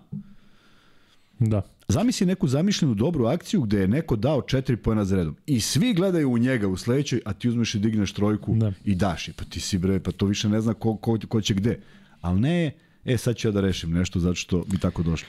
Kaže Crni Grobar, e, nisam video snimak. Kaže Lukas, je video snimak na jutarnjem treningu Partizana. James došao na trening, baš se sa Željkom izgrlio i ispričao, zamišljam i dvojicu zajedno. Ja sam siguran da postoji ogroman respekt e, između tih zaista da kažem, velikih imena. Ne poistovećujem Željkovo trenersko dostignuće i znanje sa onim što radi James, ali siguran sam da respekt postoji, zato što taj James, opet kažem, je četvrti, peti ili koji je već treći strelac trenutno Evrolige, na putu da postane prvi.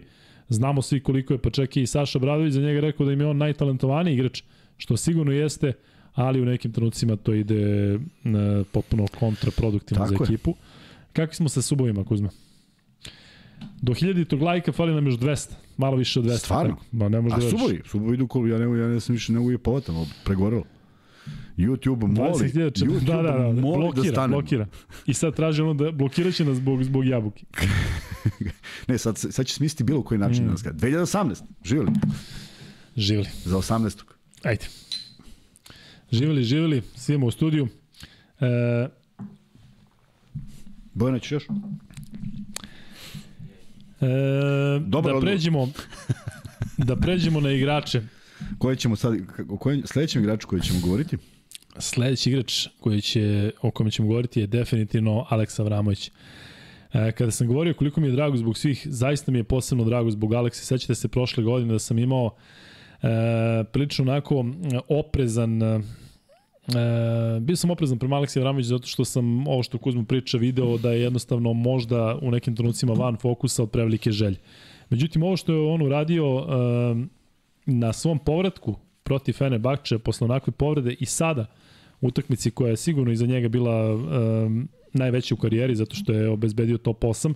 Znate da ranije nije igrao ni na približno ovom nivou u klubovima u kojima nastupao, je zaista pokazatelj da i te kako ekipa može da se osloni na njega i da ne mora da bude onako backup e, varijanta. Dakle, Aleksa za 24,5 minuta dao 22 poena, 5 od 5 za 2, 3 od 8 za 3, 3 od 4 sa penala, 3 skoka, 3 asistencije, jedna ukradena, dve izgubljene i indeks 20.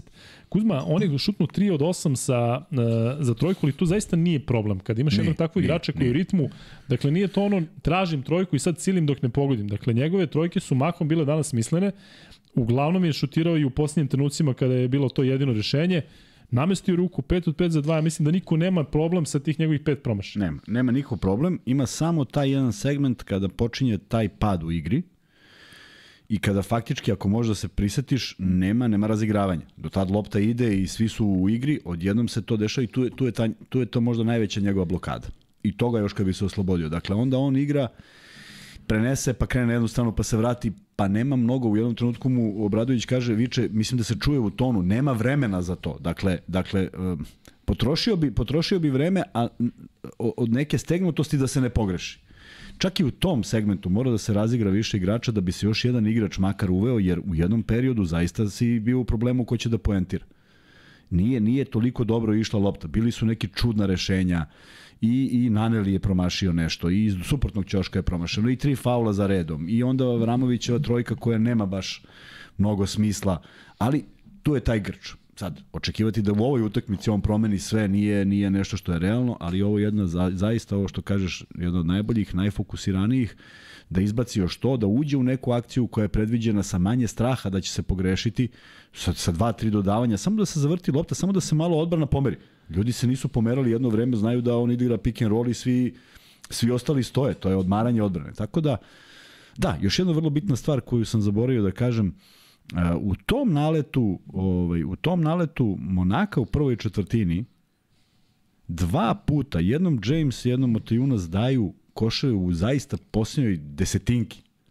Tako da su i to bile prilično da. dobre odbrane, a ti i dalje vodiš šest. Dakle, nije bilo nervoze. To I su ti da... dobre odbrane kada natraš protivnika da šutne u 23. 24. sekundi, a da nije tako nešto... Tako je, to su bili neki šutovi koji da. su dovoljno dobri da budu, ali, da. ali je falilo ovo licko da, da, da, da ne budu. Prema da. tome, nije to laka, lagana igra. Nije to, imamo još dovoljno vremena, nego je bilo uh, na samoj ivici. John Jovanović, naš, kaže Luksenkuz, uh, grad ljubitelja košake, 20.000 stanovnika. E, ljudi, prešli smo sada, odnosno tu smo na toj granici arene. Da. E, Luka, objasnio si u prošlom podcastu kako će izgledati ova utakmica. Nijednog trenutka nisam verovao da će Monako da nam pravi veće probleme sa Okobom nego sa Jamesom. Da, pa dobro, nije to, to je nešto što smo mogli apsolutno svi da očekujemo. Tako kada ispadne i kada vidim da me hvalite da neke stvari prepoznam, ja mislim da niste svesni koliko nama koji radimo komentatorski te mečeve, koliko nam to otkriva neke stvari. Zato što tokom cele utakmice nema ni jednog momenta opuštanja. Dakle, vi kada gledate kod kuće, pozove vas neko na telefon, nešto gledate na telefonu, odete do WC-a, ovde zaista 40 e, minuta svaki napad se gleda, sve mora da se vidi i jednostavno kada neke ekipe radite po 5 ili 10 puta, posebno ovo što, ove što radimo i u, u dva takmičenja, zaista neke stvari, posebno tako neke akcije možete da prepoznate e, jednostavno, mislim da čak mi komentatori koji radimo u toj meri e, neke utakmice, neke timove, pa Miksa sam reci, mislim da bolje možemo da iskutiramo neki tim nego kad neko pred utakmicu uzme pa pogleda dva, tri meča i to onako na premotavanje. Tako da, E, to je ta jedna od divnih stvari komentatorskog posla, zato što M što radiš ono što voliš, M što kažem možeš da otkriješ tako neke stvari, e, imamo i tu mogućnost da recimo čujemo kada vama idu reklame ili kada je neka pauza da čujemo sve šta se dešava e, i da čujemo još neke stvari sa strane, tako da kažem baš ovaj baš je posebno posebno iskustvo. Um, Kuzma sledeći igrač o kojem ćemo pričati, inače Aleksija Avramoviću velike uh, pohvale i još jednom čestitke. Uh, Jedva čekam da se vidimo ovde u, u studiju i pozdrav za njegovog brata koji je prišao kada sam bio na jednom meču Partizana i rekao da uvek gleda podcast i nadam se da će doći sa, sa Aleksom. A mislim da je njegov brat od nečega kod mene tamo u kraju. ima psa i opisali su mi ko je, mislim da znam dečka. Bradica? Aha. Jeste, pa moguće da je da... Uh, mislim da mi čak i pomenuo nešto tog tipa. Zek Ledej, 22 pojena kao i Aleksa, veća minutaža. On je danas imao 37 minuta. Šta je? Standardnih 37 da. minuta, Zek Ledej. 3 od 7 za 2, 1 od 3 za 3 i sa penala, nestvanih 13 od 14, da. 4 od 4 je dao u onim bitnim trenucima, imao indeks 24, dva skoka bez asistencije, bez ukradene, međutim, ja kažem još jednom da meni zavisi život posljednjeg šuta Partizana, ne bih imao problem da dam loptu Ledeju i da on sa onim njegovim, što ne znam šta je, da li je polu horog ili šta je, da li je polu floater, znaš kada je uzme onako u ruku i nekako pronađe poziciju, ovaj, zaista Lede je e, za mene veliko, veliko blago Partizana i čestitke i njemu.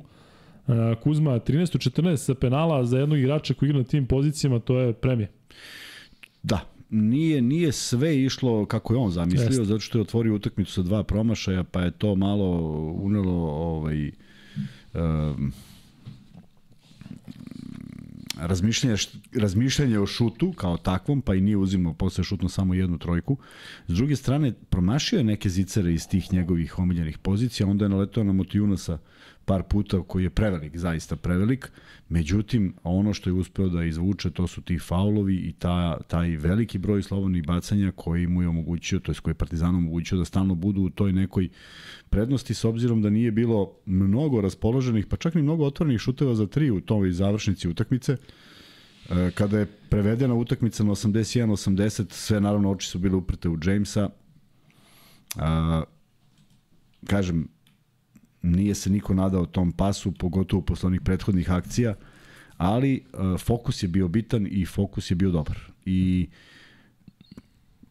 sećaš se kad je bila već iz, kad je napravljena izmena da da uh, Papa Petru izađe da se Lesor vrati kad je bilo zakucavanje to je zbog toga što su svi, svi, svi sve ih je navukao James svu trojicu dakle mora da postoji ipak neko ko je tu uh, vodi računa o svemu ostalom, a opet je Ledej bio neko ko najmanje ispada iz odbrane i zna da se postavi i zna gde da sačeka loptu, tako da i na jednom i na drugom kraju i najveće poverenje koje može dobiješ od trenera to je da, da, da dogovor bude da lopta ide na tebe, ponavljam, jako teško se tada promašaju slobodna bacanja, naročito ako si u ovom ritmu. Nije on šutno prva slobodna bacanja, jer nikad ne bi ni dobio loptu u tom smislu. Ali kad ti pogodiš sve to i dođe trener i kaže ti si taj, ej, odjednom porasteš, odjednom se sve nešto lepo desi, baciš kako god ona, ona, ona, Da.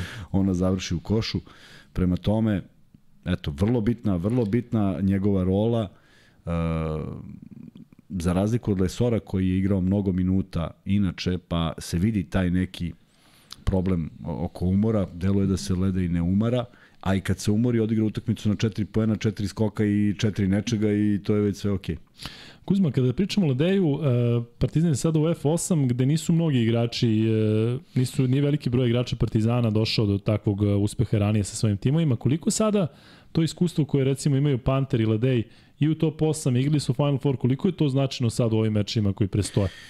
Sad imaš, sad imaš ekipu koju moraš da opustiš u smislu da je, da je ne da je ovo to to, ne kao to smo sad uradili pa šta nas briga, ne naprotiv, ali da ne bude ni opterećenosti. Dakle, mora nađeš meru i kažeš, ok, vidi, pocenili te, danas su pocenili Aleksu Avramovića. Izvijem da ne zaboravim koji je za titulu Euroligi, ali mislim na te igrače koji su bili u ovoj poziciji. mislimo tako je. Imamo neki koji jesu igrali, neki koji su igrali bitne uloge, neki koji nisu igrali. Ali vrlo je bitno sad dovesti ekipu u to da, bez obzira koje iskustvo imaju, da budu rasterećeni uh, prve sledeće utakmice. Ne utakmice protiv Panatanikosa, to mora bude fokus, nego te prve polu, četvrtfinalne utakmice koja se igra u gostima, to je jedino definitivno da se igra u gostima, rasteretiti ekipu. Da, da izađu ovako na teren. Da ako je minus 10, nema frke. Da ako je minus 15, nema frke. Da ako ode na plus 15, e sad tu treba bude pamet, biti pametan pa sačuvati to. Dakle, ne ponovo neki roller coaster, zato što na takvom nekom Uh, znaš ono kad pričaju sad o NBA ligi pa se pojačava intenzitet u play-offu. Ja mislim da će se i ovde pojačati intenzitet nekih vrlo bitnih momenata koji će biti u slučaju Barcelone, na primer, ja verujem da će to biti utakmica na 35 poena polovreme, jer će to da bude od, ne sme da se napravi greška u tom smislu. Tako da će biti studijski, studijski kriterijum drugačiji i sve to. Ne treba padati i kad se napravi taj jedan kapital, to će biti vrlo važno zadržati. Ne očekujem utakmice da će neko odlaziti 15 pa odlaziti u minus 30. Naprotiv, očekujem utakmice da kad se nešto stvori da će to biti teško onako zadržavano, kad si steko nešto, neće se prepuštati, makar to bila ružna utakmica, jer sada se igra zaista za neki ulog. Ove sve utakmice, 34 utakmice su mogle da se igraju ovako i onako. Mogu si da probaš, mogu si da tako praviš Bilo ove što prostor za kalkulisanje, tako? prostora za uigravanje, za sve što ti treba. Sad dolaze utakmice da će vrlo, verovatno, neki treneri se opredele za osam igrača. Efes je svaki Final Four i sve te utakmice igrao sa osam. Vrlo verovatno će Partizan izabrati da igra sa osam. Vrlo verovatno će e, ovaj, Monako to uraditi, ali onda će se znati neka pravila koja ili će te voditi ka uspehu ili, ili će to biti ovaj, uh, neka iznenađenja koja očekujem, volao bi da vidim neko iznenađenje, da ne bude monotono kao prva četiri pa oni otišli, tako da je sve moguće i svi računaju s tim da je sve moguće. I kažem, posebno sada gledaju u Partizan, bez obzira na ove sve igre, bez obzira na 120 pojena Baskonije. Ja mislim da prvo, prva ekipa koja dođe u, da igra sa Baskonijom na domaćem terenu i pusti tu igru koja je bila ej, maj malo da igramo, da šutiramo, da vidiš kako će to da se stegne ruka kada bude bilo potrebno, ej, danas nema popravnog, danas je to to. I onda će tu neke tvrde odbrane i mnogo taktike ipak presuđivati. Ja se nadam iznenađenju, gde će veće iznenađenje nego Partizan da osvoji Euroligu. Mislim da to niko nije Veće ovaj, očekivao.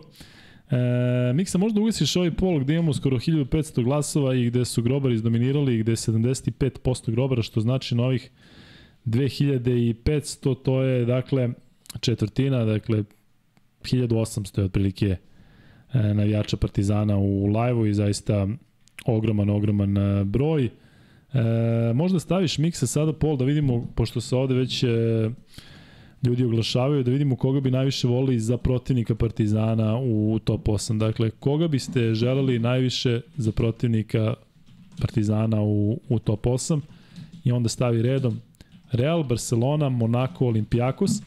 Znam da će ljudi e, pre svega birati Monako, posebno posle ove pobede i to zaista jeste naj, e, da tako uzmo, ovoj četvorci to jeste neko Ja koga bi mislim, odabrao. da ja mislim da je to idealan protivnik, zbog svega što smo, što smo rekli, zbog činjenice da kada igraju svoju košarku, kada zna, oni znaju da melju protivnika i samlili su mnoge ekipe ove godine, ali u jednom periodu utakmice stigla je poruka, kaže, kako je moguće da ovo imaju toliko pobjeda. I jeste, znaš, zaista onako od, od, od sjaja do očaja a, i mislim da se ni u jednoj drugoj ekipi iz prve tri ne dešava ovo što se dešava Obradoviću. Apsolutno sam ubeđen da nema tih diskusija na timeoutu, da nema tog što je negde nagoveštaj da može da bude da, da, da je to zgodan A ne protivnik. misliš da u Barceloni ima da je sakriveno zbog svega se je nema, nema da vidimo, možda su oni po- pobiju, možda ko zna šta rade privatno. Negde se i puškaraju, ali nema, ne može da se vidi.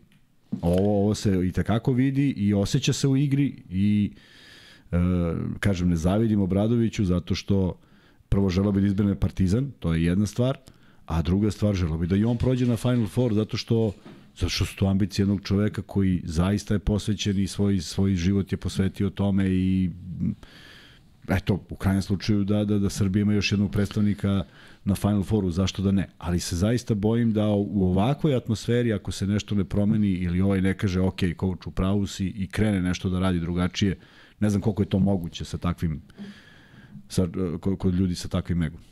Um, da te utešim da kažem da je on već tamo heroj, s obzirom na to da niko nije očekivao da će on inače tamo igraju dva kupa u Francuskoj. On, on može bude sad, on kup. može dobije i orden, ali on hoće na Final Four. Hoće sigurno, To ali, hoće ali za sezonu Monaka koja je druga ikada u Euroligi, Sve stoji. prva bila onakva, on preuzeo ekipu, dakle prvi su u francuskom prvenstvu, obezbedili su prednost domaćih trenera u četvrtfinalu, osvojili su kup, dakle ova sezona već sada i da se do kraja sve izgubi je e, više nego uspešno. Ja sam siguran se da će on ostati tamo, ali mislim da je ovo njegova e, sezona u kojoj je dokazao šta može u Euroligi, zato što znaš da je ranije uglavnom e, vodio timove u Eurokupu. Samim tim, samim Da. tim i taj neko ko sedi u toj upravi, on je morao da vidi taj timeout. I video frustraciju jednog čoveka koji ne može da objasni vrlo nešto lako objašnjivo. Ti si bre čoveče igrač i idi igraj. A on čovjek doživljava nervni slom u, u momentu kada mu niti mu je potreban nervni slom, niti je rezultat takav, zamisli da on juri nešto. Pa Zamisli kako bi to izgledalo. On je srećom u dobroj poziciji, ali on želi da se da, da pobedi Željko Obradović. Kao što svi žele da pobede Željko Obradović. Što, šta to ima? Što mora da izgubi zato što, zato što ovaj jedan misli da može drugačije? E, nastavljamo sa igračima Partizana. Sledeći je Kevin Panter, Kuzma 8 poena, 4 asistencije, e, nije mnogo šutirao, 1 od 2 za 2, 2 od 4 za 3. Nije, bio je dobro i čuvan, znaš, nije tu baš jeste, bilo baš mnogo je bio prostora. akcent njemu, Jeste. ali ta trojka koju je pogodio, ja mislim, bila odlučujuća. Tak, pa naravno, pa kako nije, da, ta je, ta je, ta, ta je sve. Dobro, bilo ih i dosta pre toga koji su onako bile ne, ne, bitne, ovo, je- ovo je međutim bilo ova... bitno, digo se u sve je bilo savršeno, njegov šut, to mi je bio osmi poen, znači do tog momenta pet poena, ali to je ono što stalno pričam. Partizan pobeđuje, a Panter dao osam poena.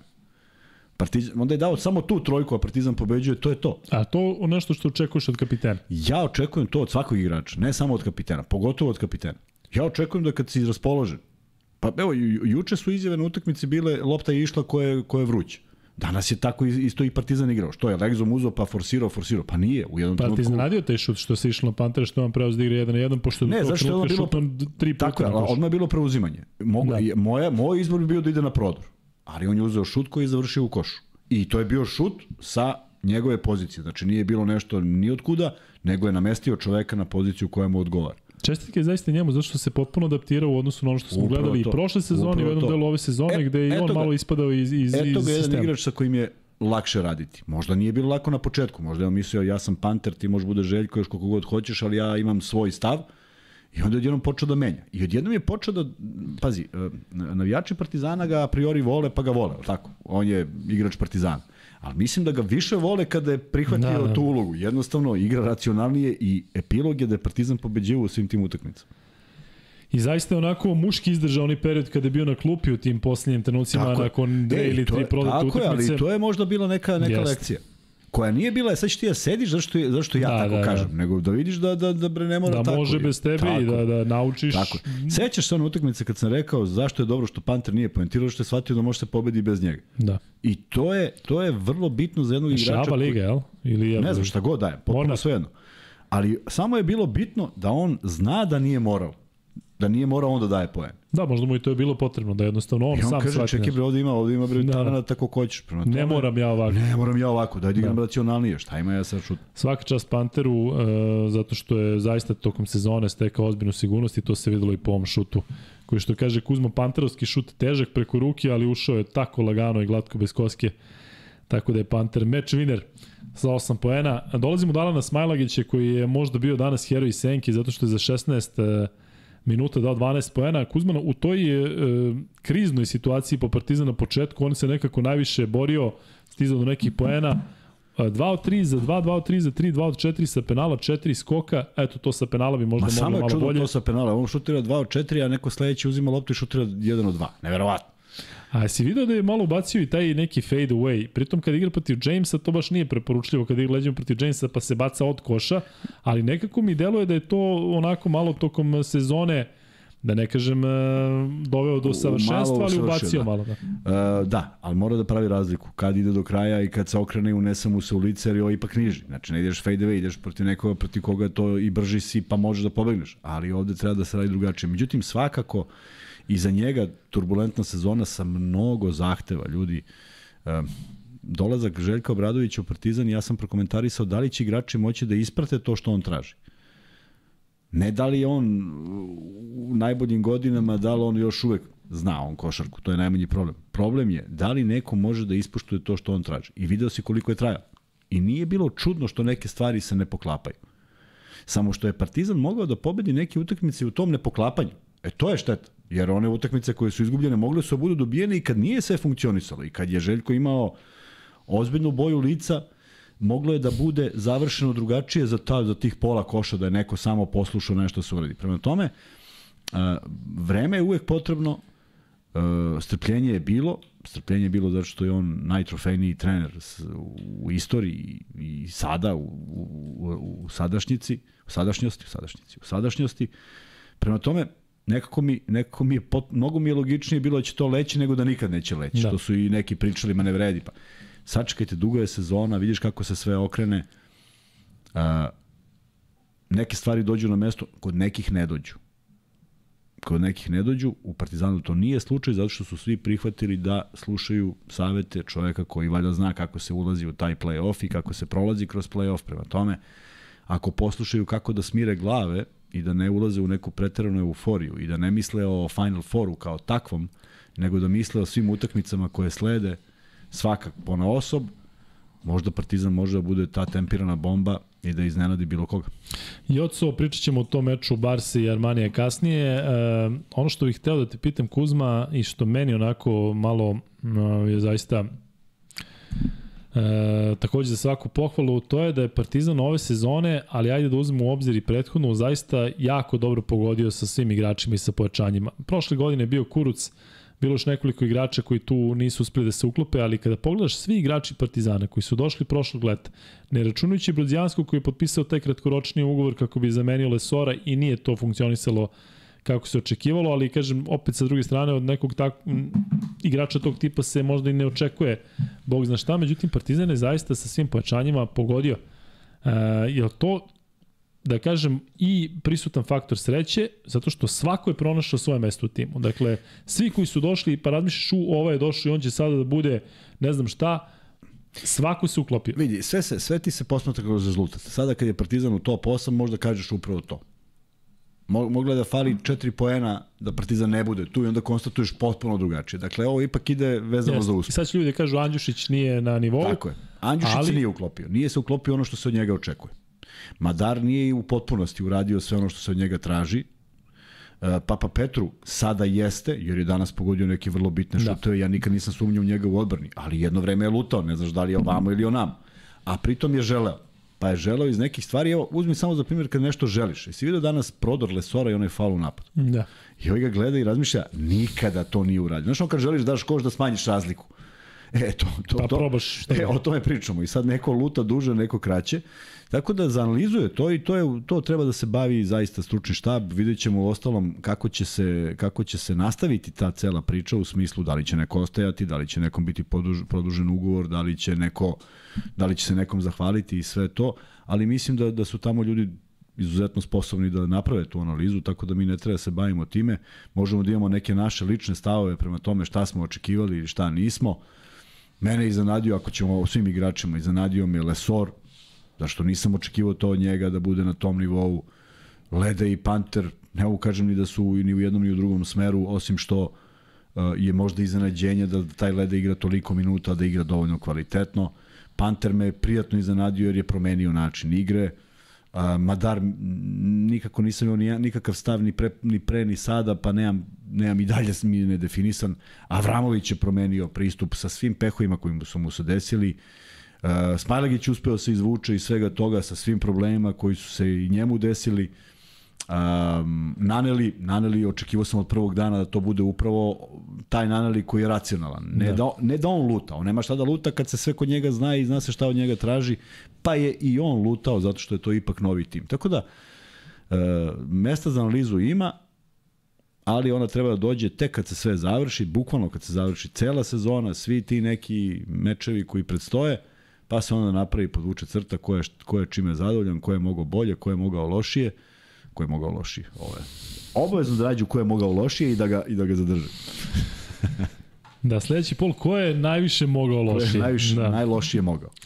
E, Kuzma, Lesor i Andjušić, stavit ćemo ih u isti koš ovde. Andjušić nije igrao, e, Lesor je dao 4 pojene za 23 minuta, imao 9 e, skokova, dve asistencije, dve ukradene i tri izgubljene, indeks 10, dakle ispod svog nivoa, što mi je žao, zato što mislim da, eto, kao Jokić u, u NBA ligi i mislim da Lesor ovde e, verovatno ne razmišlja o tome, a Nikola tek ne razmišlja o toj MVP nagradi, međutim nekako slabije partije u završnici sezone, što verovatno utiče na one koji odlučuju ko će biti najkorisniji igrač lige. Međutim, obojica su, ono što čemu ti često pričaš, dobili e, te slike i uručeni su im pokloni pred početak meča. Kako to utiče na same igrače? Kada dođeš u neki klub i sad te onako pozdrave navijači, neki to sigurno motiviše, Andjušića nema šta da motiviše, čovjek nije igrao. Ne, niko nije A pozdravio. da li je pritisak? Ne, a? Ne. U Asisoftu nisu kad se Ne, dolazi ne u tamo. Asoftu. Ja odem u budućnost, dođem da igram protiv Zvezda, niko, Niko ti- ništa. ništa. Da, ali to je trend od ove ili prošle sezone, znaš, u smislu... Tako da ne znam kako se igrači osjećaju. Sigurno prija, ali mislim, mislim da kad bi postojao neki skener, neki senzor, ko se tu malo više napržio da je Lesor hteo da dokaže ne znam šta. Da. I u taj faul u napadu ga je možda izustao jer ga je Obradović pokazao da. onu gestikulaciju, gde ćeš čoveče.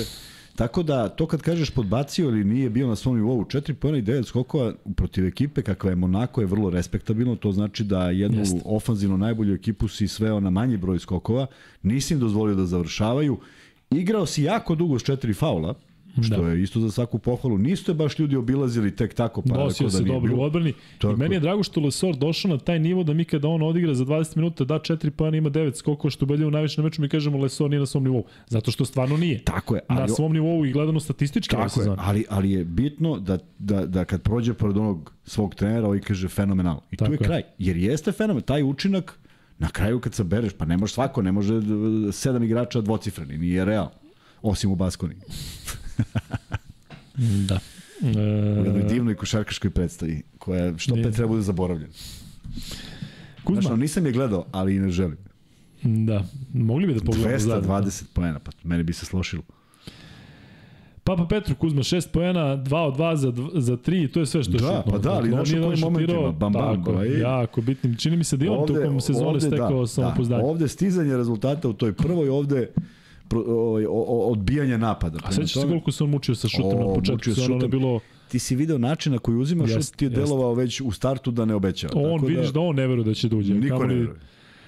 E, tako da svaki, svaki čast i Papa Petru, e, ali kad pogledate recimo da on e, došao kao najbolji igrač Panatenikosa, pa razmišljaš ovaj sada ne znam šta treba da bude, prosto neverovatno ovaj, e, kakve on turbulencije imao tokom sezone, treba zaista imati razumevanje za momke poput Smajlagića, Papa Petrua i ostale koji su bili povređeni, Avramovića naravno, zato što su sad ovaj, zaista rekao bih i oni na vrhuncu forme. Exum 2 poena, Kuzma 1 od 4 za 2, Da, to je 3 iznenađenje, da. skoka, 4 izgubljene. Nekako deluje meni da su ga pročitali. Jel tebi tako deluje? Dakle, Pa kada su nisu ovo prvi da koji su ga jednostavno... pročitali, ali su, ali su najviše istrajali u Ali u odbrani. smislu video se nekoliko puta da on krene u ovo pa se Jeste. vrati na E, trojku, pa čega? opet izmisli da, neku zato što je, zato što je tu, je, tu je sada stvar, stvar, eto, ajde, ja sad to pripisujem uh, Saši Obradoviću. Zato što je sugestija bila da se ne ide iz reketa. Dakle, ne juriš svog igrača, rizikuješ tako nešto, samo da Exum ne uđe u neku seriju. I onog momenta kad Exum i ima svog igrača na ramenu, ti odjedno vidiš da je u reketu još šest igrača Monaka stoji i čeka, prema tome nije bilo, nije, nije bilo potrebe da on rizikuje nešto, par puta je krenuo ulaz, nije to išlo kako treba. Vrlo brzo je shvatio, vrlo brzo je Obradović shvatio da to neće funkcionisati, pa je kombinovao i onda je više vremena proveo Avramović, jer vidiš, u jednom momentu Avramovića vadi baš od one bojazni da ne bude da ne bude previše za njega. Ulazi Egzom taman toliko da da se Aleksa ponovo sabere i da odigra kvalitetnije nego što bi da je u toj nekoj bez pauze u jednoj nekoj stihijskoj igri, jer on bi sve manje i manje video. Tako mi deluje. Sve bi mu bio uži teren. Tako da Exum je odradio svoj posao, ako ništa drugo, u ovoj kombinaciji sa, sa Madarom i sa, i sa Avramovićem bio na toj poziciji 1. Nije bilo njegovo veče. Ovo je prva od možda 7-8 utakmica da nije. Opet je Partizan pobedio, opet mora i onda razume da to znači ne mora. Nije forsirao, što je vrlo bitno, nije teo da pokaže ne znam šta.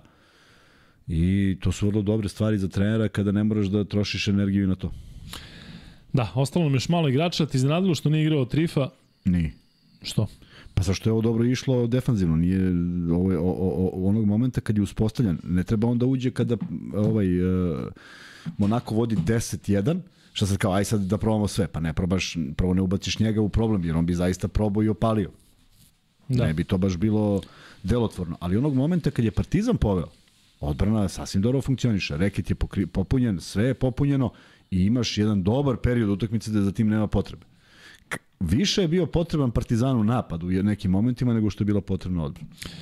Naneli 12 poena za 26 minuta, 1 od ali u 3 za nekoj 3, seriji, 2 od da. 3 e, za 2, 5 od 5 sa penala. E, malo je igrača Partizana danas koji nisu dali bitnu trojku. Nanelijeva ona je bila jako bitna. Tako je. Ali ovo je baš onako nešto što se očekuje od njega. Dakle, da, da pogodi kad treba, da bude tu e, i defanzivno. Mislim da, da je on defanzivno e, prilično dobar. Ti si, si vidio kod njega nešto što, što, što se onako izdvaja? Ne mislim da je prilično dobar, ali da je dobar.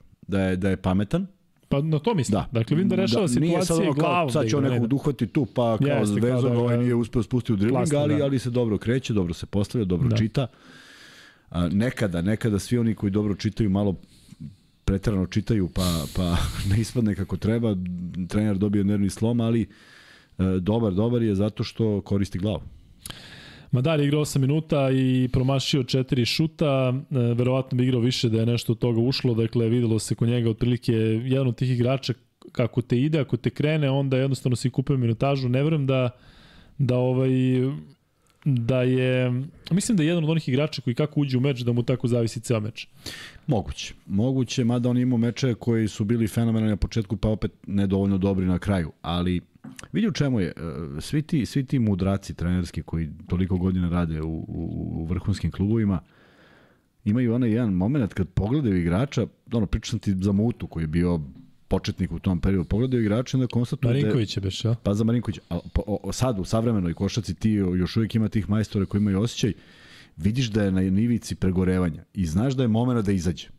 Ako pogodiš taj moment, sakriješ i njega, a niko ne primeti šta se desilo, daje šansu nekom novom, tako da vrlo je bitno to dozirati. Koliko god se nama čudi, nek, čini čudnim zašto izađe ovaj onaj, Ima, ima ozbiljnih razloga zašto, jer to su treneri koji znaju svoje igrače mnogo bolje nego mi što ih poznajemo, znaju kako razmišljaju, znaju šta im se dešava kada mu vidiš facu, ponekad znaš da, da, da li je tu ili nije, prema tome to su sve neke legitimne stvari koje lajci, košarkaški, navijači misle da se to dešava tako što se oni skupe na treningu prvog dana i pogledaju se i to sve funkcioniše, a u stvari vidiš koliki je to proces da bi ti došao do same završnice Evrolige, da Partizan igra najbolju košarku u poslednjih 6-7 utakmica.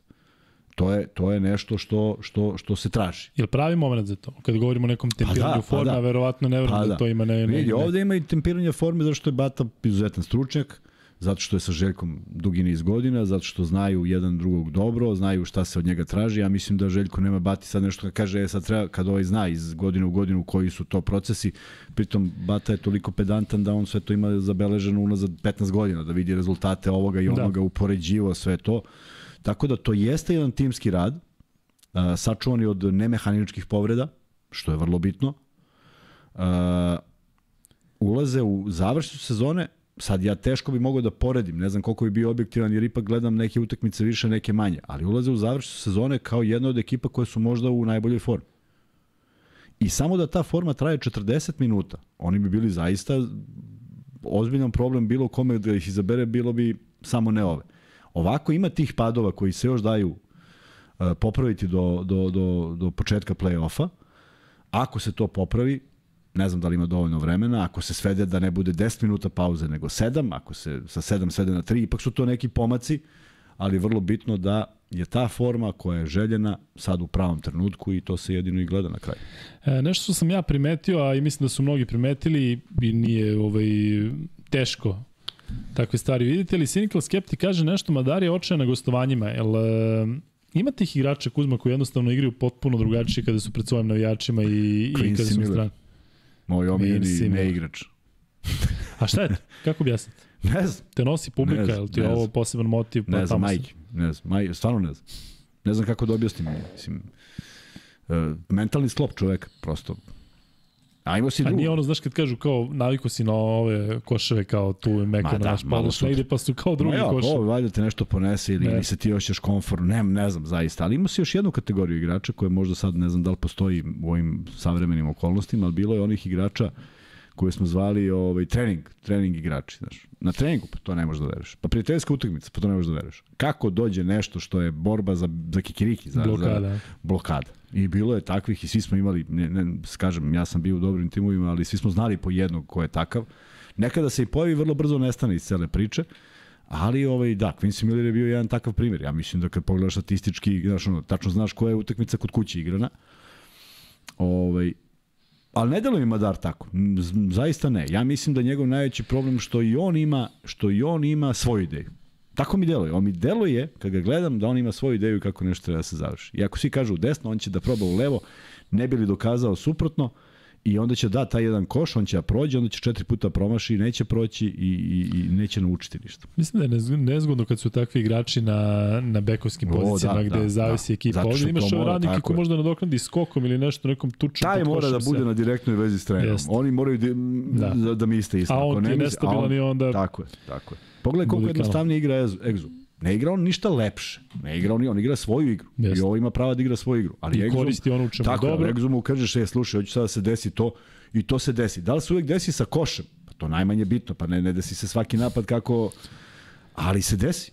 I to je vrlo bitno da ti onda kad pogledaš, trčiš nazad, pogledaš trenera, kažem ti milion puta u tim nekim uh, utakmicama gde je Muta išao na psihologiju, ne na, na neku sad taktiku, nego kako da neke stvari pustimo nekome da pomisli da je sam. Ej, oni daju koš, ti ga pogledaš, on ti pokaže ovako, ti veruješ da oni dalje ne odustajemo od te ideje. I ta ideja na kraju, kad si sabrao svih 40 minuta, to je to. E, još 100, malo više od 100 lajkova do drugog free Čekaj, koliko nas ima. E, taman dok ti to vidiš, Miksa, ti možeš da ugasiš ovaj pol, da vidimo koga bi... Ima neki pol.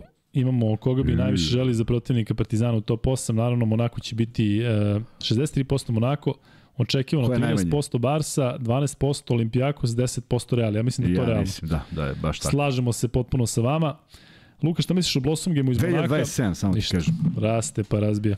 Ove, e sad, E, možda staviš miksa pol, pošto će uskoro biti free bet drugi, kada dođemo do 1000 lajka, da staviš u kombi, najviše želi da bude pol. E, stavi, e, bukvalno tako, pitanje, e, o kom biste želi najviše da bude free bet? O kom biste želi da bude sledeći free bet? E, Avramović, šta smeškaš, dok sam, dok sam sklopio ovo. Dok, dok je Miksa shvatio šta je pop. I dalje te gleda kao šta je ovo? je? Imao si ti biser malo pre, šta je bilo? Ko je nešto. najgore, o, najbolje, o, najbolje, ono, najloše ono, odigrao. ono, najlošijeg treba Da, zadržati. da. E, dakle, Avramović, Ledej, Exum i stavi četvrtog, četiri opcije imamo, tako biš. Četvrti nek bude Naneli. Dakle, o kom biste voli najviše naredni free bet e, i bližimo se tome prilično brzo. Kuzma, e, ajde da arhiviramo i mimo onako, mislim da su ga u Partizanu već arhivirali. E, dakle, prvo što bih ja volio da pozovem e, i da apelujem još jednom, Naneli.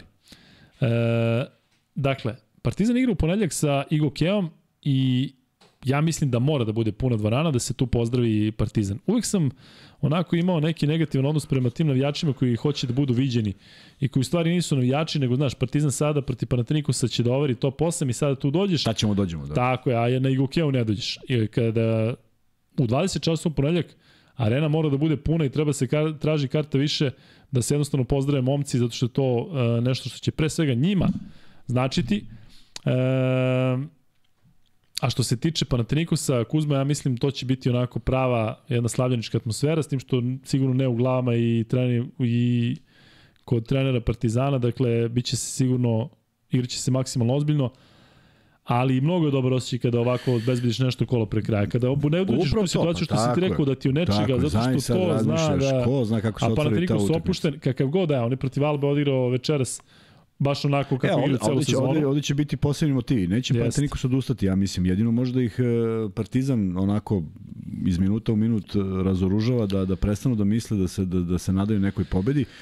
Za, za, za, za sav ovaj, osjećaj tog nekog uspeha dobro bi bilo da Partizan pobedi, a velika satisfakcija za trenera može da bude da se ta utakmica odigra maksimalno ozbiljno. Dakle, da nema nekih euforičnih stvari, da niko ne radi ono što ne treba da radi, nego da, da shvate da je to utakmica korak pred vrlo bitne utakmice koje slede i prava provera. Barcoka si juče izjavio jednu fantastičnu stvar. Mi smo kao imali proveru za, za Final Four. Koji Final Four kad smo primili 45 poena. Dakle, on, on ne posmatra utakmicu Zvezda ili bilo ko, nego posmatra šta njegova ekipa radi. E, tako mislim da i Obradović će tražiti, ako to uspe da dobije, to je najvažnija stvar, da dobije potpuni fokus, kao da je to ovaj Monako koji je pobeđen, da to bude sledeća utakmica, da ne bude šaljenja e, poteza koji ne priliče nekom poštovanju igre i poštovanju uloženog truda, jer ima vremena za tako nešto.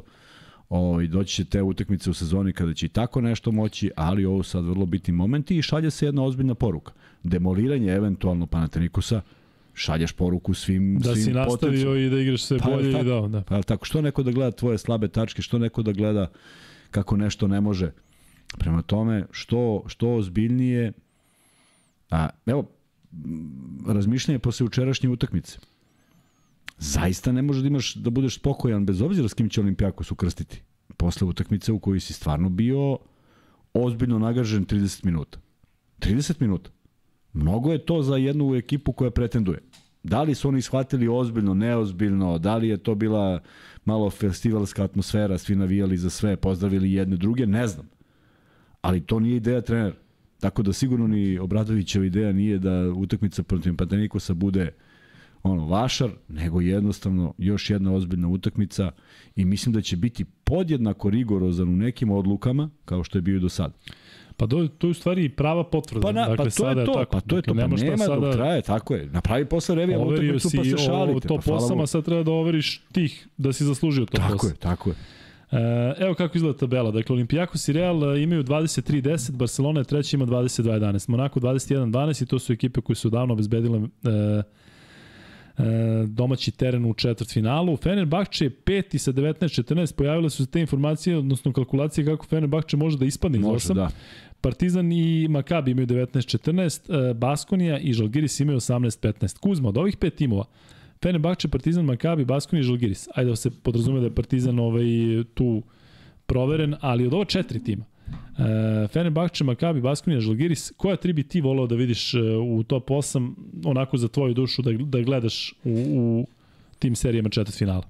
Dakle, jednu da izbaciš. Ja bi izbacio Makabi. da, da, mi bismo sigurno izbacili Makabi. Da se podudara sa onim što smo rekli ranije. Gle, gle, a, a sad iskreno, bez obzira... Ovaj, Baskoniju bi baš volao da vidiš kako šuterovi igraju. Gle sad. Baskoniju bi volao da vidim zato što, zato što su napravili jednu ekipu bez jednog evroligaškog igrača i odigrali jednu sezonu koja je stvarno vrlo čudna. Pobeđivali su neke utakmice fantastično. Da jeste, samo su- što kažeš Evroligašu igrača, oni su zaista dovodili neke... Tako je. I znaš, napravili nešto i to je za svako poštovanje. A, a onda su odigrali neke utakmice koje su neverovatne. Da izgubiš baš, baš oba puta valjda od nemačkih klubova i ostalo. Da, jeste, Nije da. realno. U krajnjem slučaju treba ubaciti 120 poena uz visoke procente. Ne mogu ja da kažem da su oni šutirali 82-4. Ali je ružno, meni je to ružno. Međutim, mislim da zaslužuju mesto. A, Žalgiri zaslužuje mesto pošto su meni uvek bili ekipa sa najmanje stranaca koja ipak vodi računa o svojim igračima i nacije iza i sve je to podinuto na jedan takav nivo i meni je krivo što mi nismo u, u, takvom, u takvom naboju za naše klubove. Dakle, oni su poistovetili Žalgiris sa nacionalnim timom. Jeste, e, juče kada sam prenosio Žalgiris Makabi, nakon meča novinar kaže cela Litvanija diže se vama, ovo je, znači ono je zaista sinonim za, za, za, tako za je, državu. Tako je. E, oni imaju jedan jer nemaju drugi. I da imaju drugi bilo bi lepo. Dobro, taj Ritas ima Nije, svoj nestao put, je, pa znam, ali... ali nestao je u nekom momentu. A ovde ima dva. Bilo bi lepše još izgurati dva sa takvom podrškom Saveza. Ne znam koliki je odnos, kakav je odnos Partizana i Zvezda sa Savezom, zaista ne znam, ali čini mi se da nisu izjednačeni. Zato bih volao da ih vidim. Volao bih da vidim Efes, ovaj, Fener, Efes ne bih volao da vidim, Fener bih volao da vidim, zato što i zbog Itudisa, i zbog nekog nadigravanja, i zbog kvaliteta igrača, i zbog nekih problema koje su oni imali, ali se radi o onom kvalitetnom sastavu. I onda kad bi ta tri volao da vidim, onda je potpuno logično zašto ne bi volao da vidim Makabi. Zato što ostaje kao poslednji. A i izjavio sam da mi ne uliva poverenje 11 novih igrača na početku sezone, međutim demantovali su nas, igraju fenomenalno. Mora neko su- da nas demantuje. Tako? Napravili, tako je. Napravili su jedan neverovatan rekord od 38 asistencija, što ne znam koliko god da se čovjek trudi da uradi, ne znam koliko može. Tako da svaka im čast kako igraju. Vidio sam da Nikola Vujčić neće više biti e, sportski direktor tamo, što je onako prilično iznenađenje. Nakon toliko napokon. sil, da, tačno možda, je si bio nešto protiv, uradio. možda je bio protiv svih ovih. Da, da. Možda se nije pitao. I ima, ima nekoliko pokazatelja koji mogu da se pokažu, na primjer ako, ako, ako Fener, Pokazatelji koji mogu da, da, se koji pokažu. mogu da se pokažu. Zapamite ovu misao i slobodno citirajte kad god budete želeli. Šta može da se pokaže? Da vidimo da li Wilbekin donosi stvarno nešto svojim ekipama. Nema ga nešto u toj završnici. Jel, jel Dobro, hoćeš- Bilbekin čini mi se da ima potpuno drugačiju ulogu nego u svim klubima. E, do ne, sada. ne, sve stoji, sve stoji. Samo kažem, ja bih volao gde je Wilbekin, tu se nešto dešava. Ja bih volao da je Clyburn, tu se nešto dešava. To, to mi je uvek sinonim za dobre igrače. Zašto Da. ja volim neke druge igrače, pa onda se tu okome mnogi, ma nemaš ti pojma, ovaj je bolji. Bolji individualno, nemam ništa da, da, da, da, da, da kontriram. Ali, govorimo o nekom timu i o činjenici da se ti u tim nekim timovima koji prave najveće rezultate. I valjda to jeste kvalitet do, do svakog igrača. Ne može da bude do jednog. Nije jedan vodio ekipu, nego ceo tim. Tako da mislim da je tu negde ovaj malo Fener poleteo za Vilbekinom. Meni od udara od koncepcije te ekipe, od onoga što je Željko Bradović stvarao, čak i od Tudusove filozofije, zato što mi Vilbekin deluje kao Miley James. Tako nešto slično. Pa dobro, oni su, ja mislim da je čak i stariji. Tako da ne mogu da im baš mali James. James ima 32 Mali zbog godine. ega, pošto mislim da je Jamesov ego malo iznad ovaj, uh, Vilbekinovog i, i neko mi deluje da tu nema, da tu nema sreće. Pritom, navijam iz sveg srca da Zvezda pobedi Fener, iz prostog razloga što bi volao da Zvezda dođe u 17 pobeda, a drugo da pobedi jednog, još jednog osvajača titule. A onda to zaista Fener dovodi u ozbiljno težak položaj, zato što je tim porazom zavise potpuno od drugih. I, vrlo interesantno, ta utakmica se igra pre drugih utakmica. Tako da će ovi drugi znati šta im je činiti, da li da nagaze ili, ili je već nešto rešeno. Tako da gledamo u četvrtak, a? Šta? Pa kad su utakmice? U četvrtak i petak. Četvrtak, Standard, petak. da. I što je interesantno, znači, tu bi moglo da se uvede nešto Da, u smislu ono... da, da ne bude kalkulacija da, da, Da, se sve da, igra u isto da, vreme, da, ali... da. e, Mislim, znam da nije izvodljivo, ali bilo bi zgodno. E, mi ćemo definitivno raditi u četvrtak i u petak i u taj sledeći petak za 7 dana ćemo imati konkretne parove četvrt finala. I bit će vrlo zanimljivo to poslednje kolo zato što svašta može da se desi sa tim tumbanjem od pete do e, osme pozicije. Tako ima, ima različitih scenarija, nećemo sad o njima zato što nema razloga da pričamo o njima. Izvini, sledeće nedelje i Eurocup koji ćemo najaviti naravno u ponedeljak, to su to E, utakmice na jednu pobedu. to treba da ispratimo, da, to Tako treba da ispratimo da vidimo Ćeš da radimo i u sredu posle Eurocupa. Da, da, da, posebno. radimo, ne, utorak Sa i u 2% sredu. ovih, znaš da su 2% su glasali za Eurocup, da mi to ne ali to sve sa KLS-om. E, dođemo i ono, Dakle, i ono, paketu. i ono, koliko je 2%? 20 ljudi, tačno Pa ne. 2000 i kao, evo nas! Da, da. Mm, parovi u četvrtak su Alba Asvel, to je baš To derbi. derbi, da. Zvezda Fenerbahče takođe u 7, Olimpijakos Baskonija, Makabi Real Taj, i Virtus aj, samo Armani. zastani za sekund, znači Olimpijakos Baskoni odle- određuje ko, ko Da. ide, Baskoni u poraz baca u problem. Da. Dalje, E, Makabi Real, Makabi Real, pobeda Reala, ali nešto mi se ne sviđa na svim nivoima odmaraju igrače, posebno u NBA ligi kada ti, kada ti ne zavisi nešto. Dakle, Realu to ne zavisi ništa u smislu, naravno da hoće pobedu da ovo, ali da sad sile, evo recimo večeras ne igra Durant, kažu da nije povređen. pa možda i neće igrati u, svi u Realu. Pa to, to i kažem i to se Pa dešava i Barca je danas odigrala sigurno, ja nisam gledao, ne mogu da tvrdim. Nisam ja Možda su ih ovi demolirali, ali nekako... Ali juče Denver igra sa petoricom najboljih igrača, svi su povređeni. I to je zaista bez veze. Dakle, Koji ne, si povređen? Petorka je povređena zato što Denveru taj meč više ništa ne znači. Pa da. I kažem ti sad da ima neku ligi da kaže, e sad idete svi na sistematski i to ne na sistematski Da vidimo, neki, da vidimo nego mi, da. u neki dom zdravlja ovde u Beogradu, pa da čekaš jedno 4 sata, pa da vidimo da... Pa ne, ozbiljno, pa evo si bolestan, nisi, sad ćemo da vidimo i onda lepo udariš, udariš kazne. To je toliko ljudi plaćeni, toliko ljudi plaćaju da ih vide i toliko ih čekaju i evo, ali mislim da to nije miksa ko što ono mi pričamo, znaš, sad ekipe su ovo, pa sad daš neku šansu mladim igračima kad je već sezona otišla ovo, pa da možda proveriš tu koga možeš da koristiš. Nema šta da proveravaš, dakle trebaš da igraš, pritom igraš protiv, protiv, protiv ono najboljih ekipa, igraš protiv Phoenixa, ali dobro. Ajde ovaj, da se nadamo da, Da, će to, to da su se reši. mali NBA ligi. Zar Ali kažem ti, mislim da ima toga i u Evropi. Mislim da ima toga i u. Evropi kada gledamo ovo sada poslednje kolo timovi kojima Dobro. ništa ne znači. Pa dobro, znaš kako imaš Pa, neke stvarno povređene igrače, rovite, što bi se nešto cepo, što Da. bi se povredio u krajnjem slučaju. Ali, ali vidi, e, ne mogu da pravim sad poređenje, ne mogu da kažem ovo je ovako, ovo je onako. Ali juče ste pričali o NBA ligi i pričali o play-offu i je li ima još jedan sport koji znaš, igde u svetu, da neko igra malo, malo, malo, pa onda malo zapne? Ne postoji. Da. To je jedini, zaista jedini. Ali on 90-ih nije bio takav. Ja to tvrdim, zato što niko nije lud da juri 72-10 što ima u Chicago. Što bi neko jurio? Pa je, pa je, ne znam, do 60 i nešto stigao Detroit. To su ozbiljni napori. Koliko ima Denver? 50. Koliko ima pobjeda? 52. to kažem, to kažem. 28, Oni više da. nemaju nikakvu ideju da jure 65. Da. Što? Što se umoram? Ali zar nije rezon isti kao i ovde da završiš pobedom regularni deo sezone i da na taj način ej, uđeš meni, u... Meni, da pitaš, meni bi rezon bio isti da pobedim 82 utakmice ako mogu. Ali onda će kao u play-offu da se raspadnu. Pa što bi se raspali ako svi igramo po istim pravilima? Jeste, stavljaju Deandre Jordana da igra i onda se ljudi sprdaju sa njim. Pa, naravno. Ono, kak, kakve reakcije ima u odbrani, ali dobro, to je neka, Neka druga, druga priča. dimenzija, jeste. E, Nećemo se ne idemo oko toga. Nećemo, pa da, ja ću se ne vidjeti puno ako ovaj Denver ne dođe dokle bi trebalo da dođe. Već mi je glava, već mi je glava na E, hladnom ako ono, ne dođe, dokle treba dođe, pusti kosu. obrve, skidam obrve. Ne, ne, pusti kosu. Nek ti kosa poraste Da. naprast. E, Skeptic pita ovde nešto oko e, kapaciteta arene i da li e, verujemo da su zvanične brojke proti karata Partizana u areni. Uvijek deluje da je 10% više gledalaca, ali možda grešim.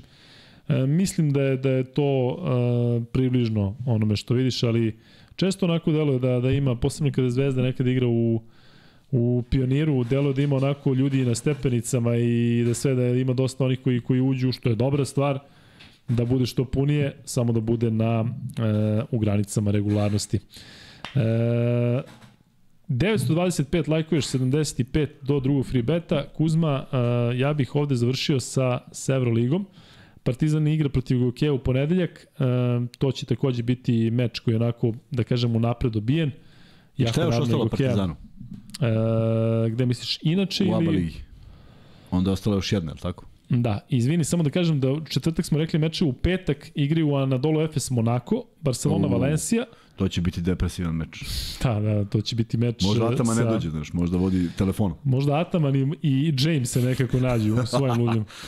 Bayern Žalgiris i Partizan Panathinaikos. Bayern Žalgiris, evo na primjer, ja garantujem da će Bayern pokušati da otkine Žalgiris, jer, jer to je deo sporta, tako? Jeste, pa dobro, sa, sa Lučićem i sa takvim likovima mislim da se nekako podrazumeva da ćeš da igraš ozbiljno. Lučić, ne Lučić, Nemci su to, mislim, oni neće da igraju bez veze. Ali mislim da bi imao veću težinu meč, sreće da nema, ali da Partizanu nešto zavisi od Žalgirisa. Pa dobro, možda i zavisi u smislu nekog, nekog tumbanja da bude pet. Zavisi što da ne zavisi, tako je. Nemoj da ti sad- Jaramaz, Luča i ostali. Sve, sve i da nisu, da prosto takav mentalitet i prokuša da završi sezonu najbolje moguće. E, ljudi misle da je samo pobeda nešto što te vuče. Ajde da kažemo da, da, da ti nema šanse da budeš u osam, je tako? Ali da. zar stvarno te ne vuče da nekom poremetiš nešto? Pa ti, ti to, to je taj sportski motiv. Nećeš ti nekom da pokvariš zato što ti je dosadno pa ćeš da rešiš, nego jednostavno bre želiš da, da, da, da, da odlučuješ o nečemu.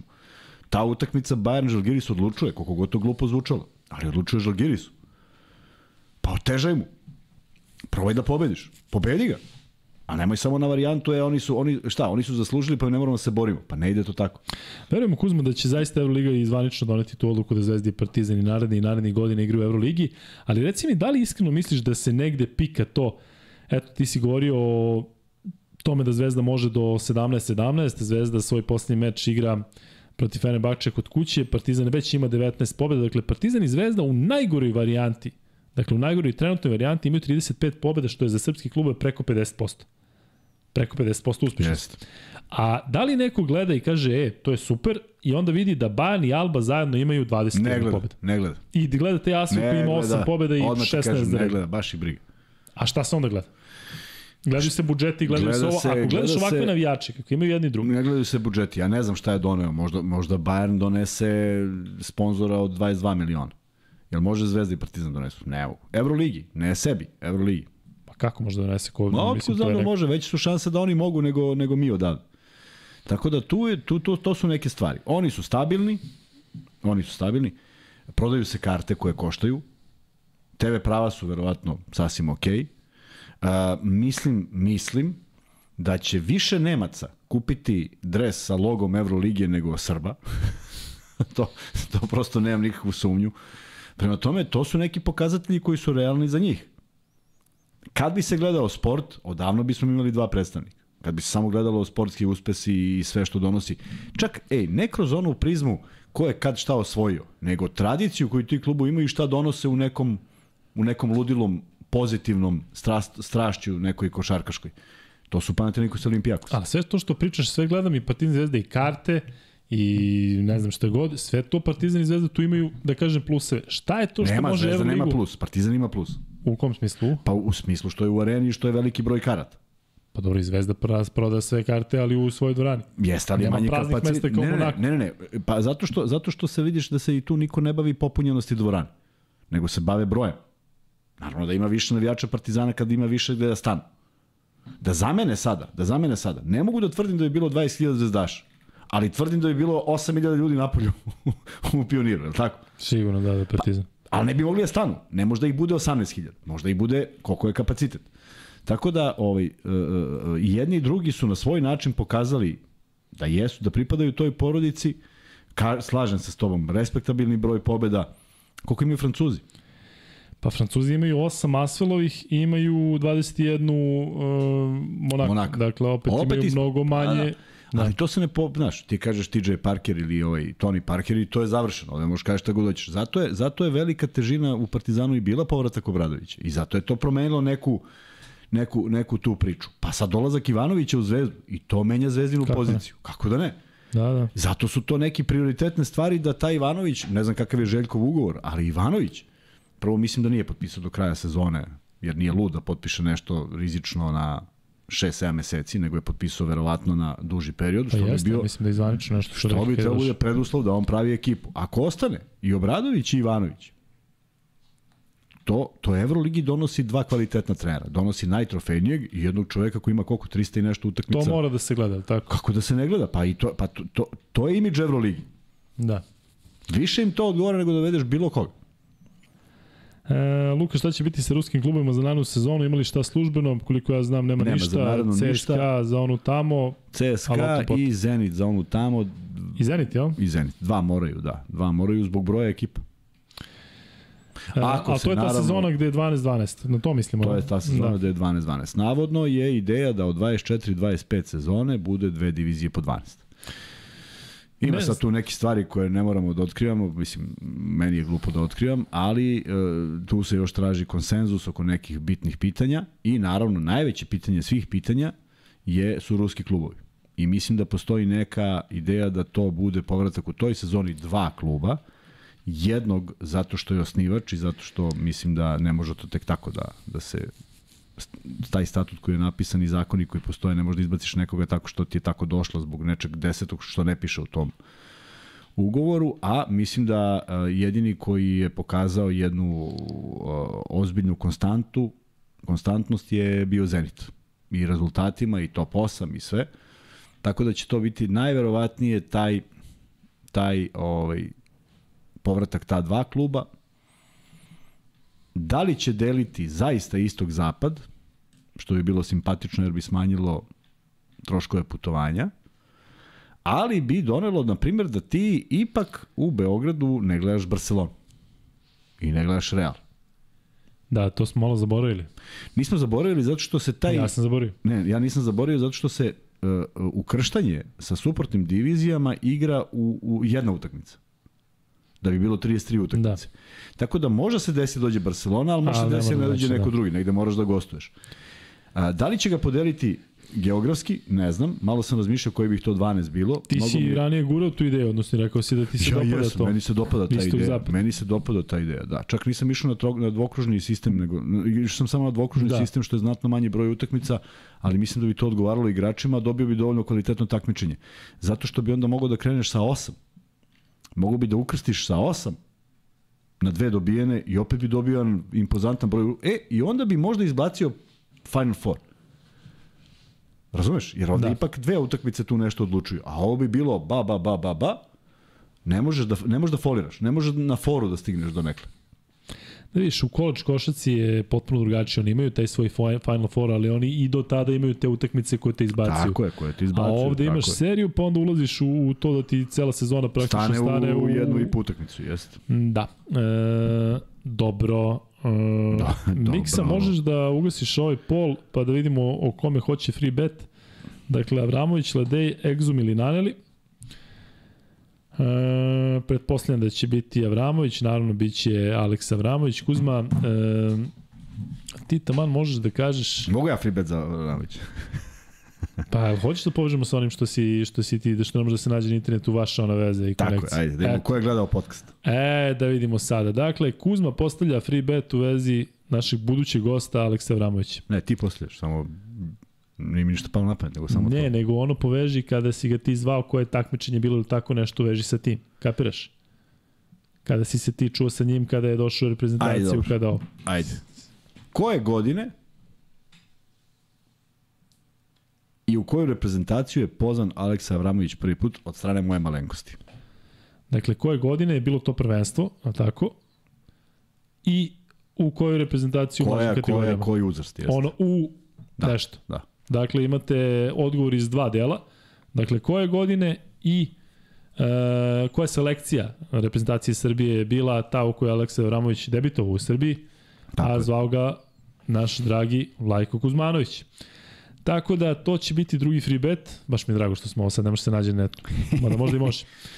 E, Kuzma, e, University 2016. Potvrdi. A da, to nije pun odgovor. 2018. u 16. Nije u 16. Kako u 16 bre ljudi? Uje, ovo će da potresa. Samo mi reci, je li godina, e, je li tu tačna godina, 2018. Nije 20 2018. Je li 2017. Dve, ranije, ovaj što je prvi dao. Da, on je rekao u University 2016. Nije 2016. 2017. Nije. Lele Majke. Daj, slobodno reci odgovor. Pa da, da ga tražimo ovde. Sad već ima 1000 odgovor. Koliko ima? 67. Oli ga reći? Da nađeš. Kuku, Neću da nađem. Univerzitetska reprezentacija 2000. 2015.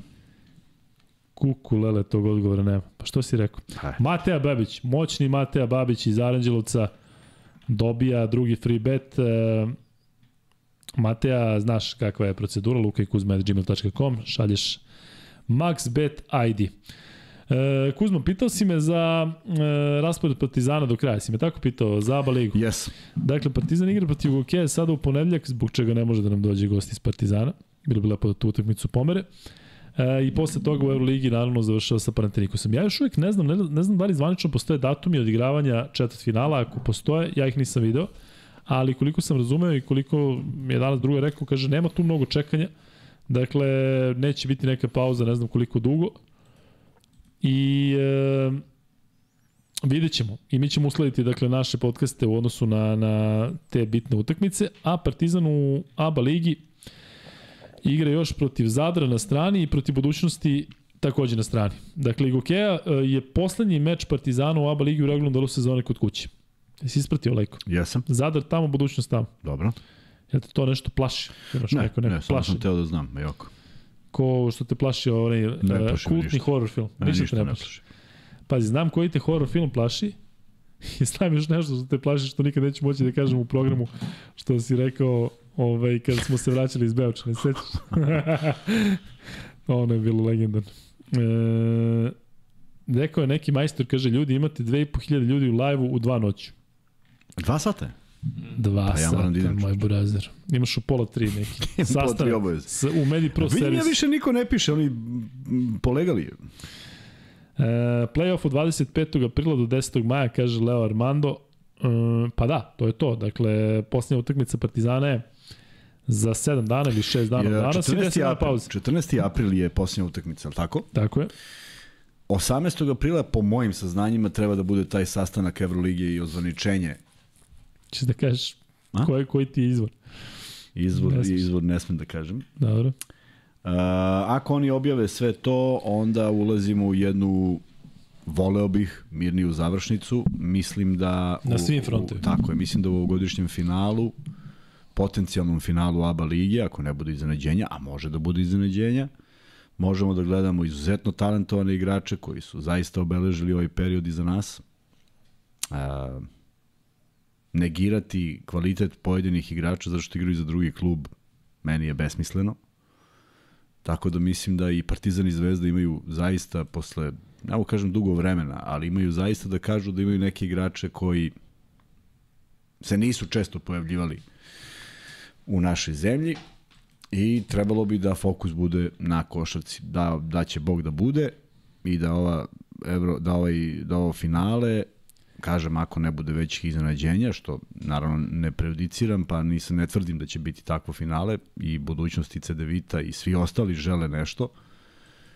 Videli smo jednu nadahnutu Megu protiv Zvezde, Nadahnu, nadahnuće je trajalo, nažalost krenulo kasno, ali imaju momci potencijal da Danas mi je potpuno ovaj, razbio sve, onako, potpuno ne mogu da verujem da je Split izgubio u, utakmici koju je, koja ih vodi u play-off i susret sa Partizanom, vrlo verovatno, što bi značilo da Partizan ponovo dolazi na gripe, oni izgube od MZT-a i, i, i, i sad nešto su sebe odvojili sa osmog mesta i šanse za play-offom, nego, nego su u problem ubacili i Borac koji Da. je sad u, u teškom rasporedu i ako Mega, ako MZT pobedi u posljednjem kolu, Bar će biti onda, zanimljivo ako ništa.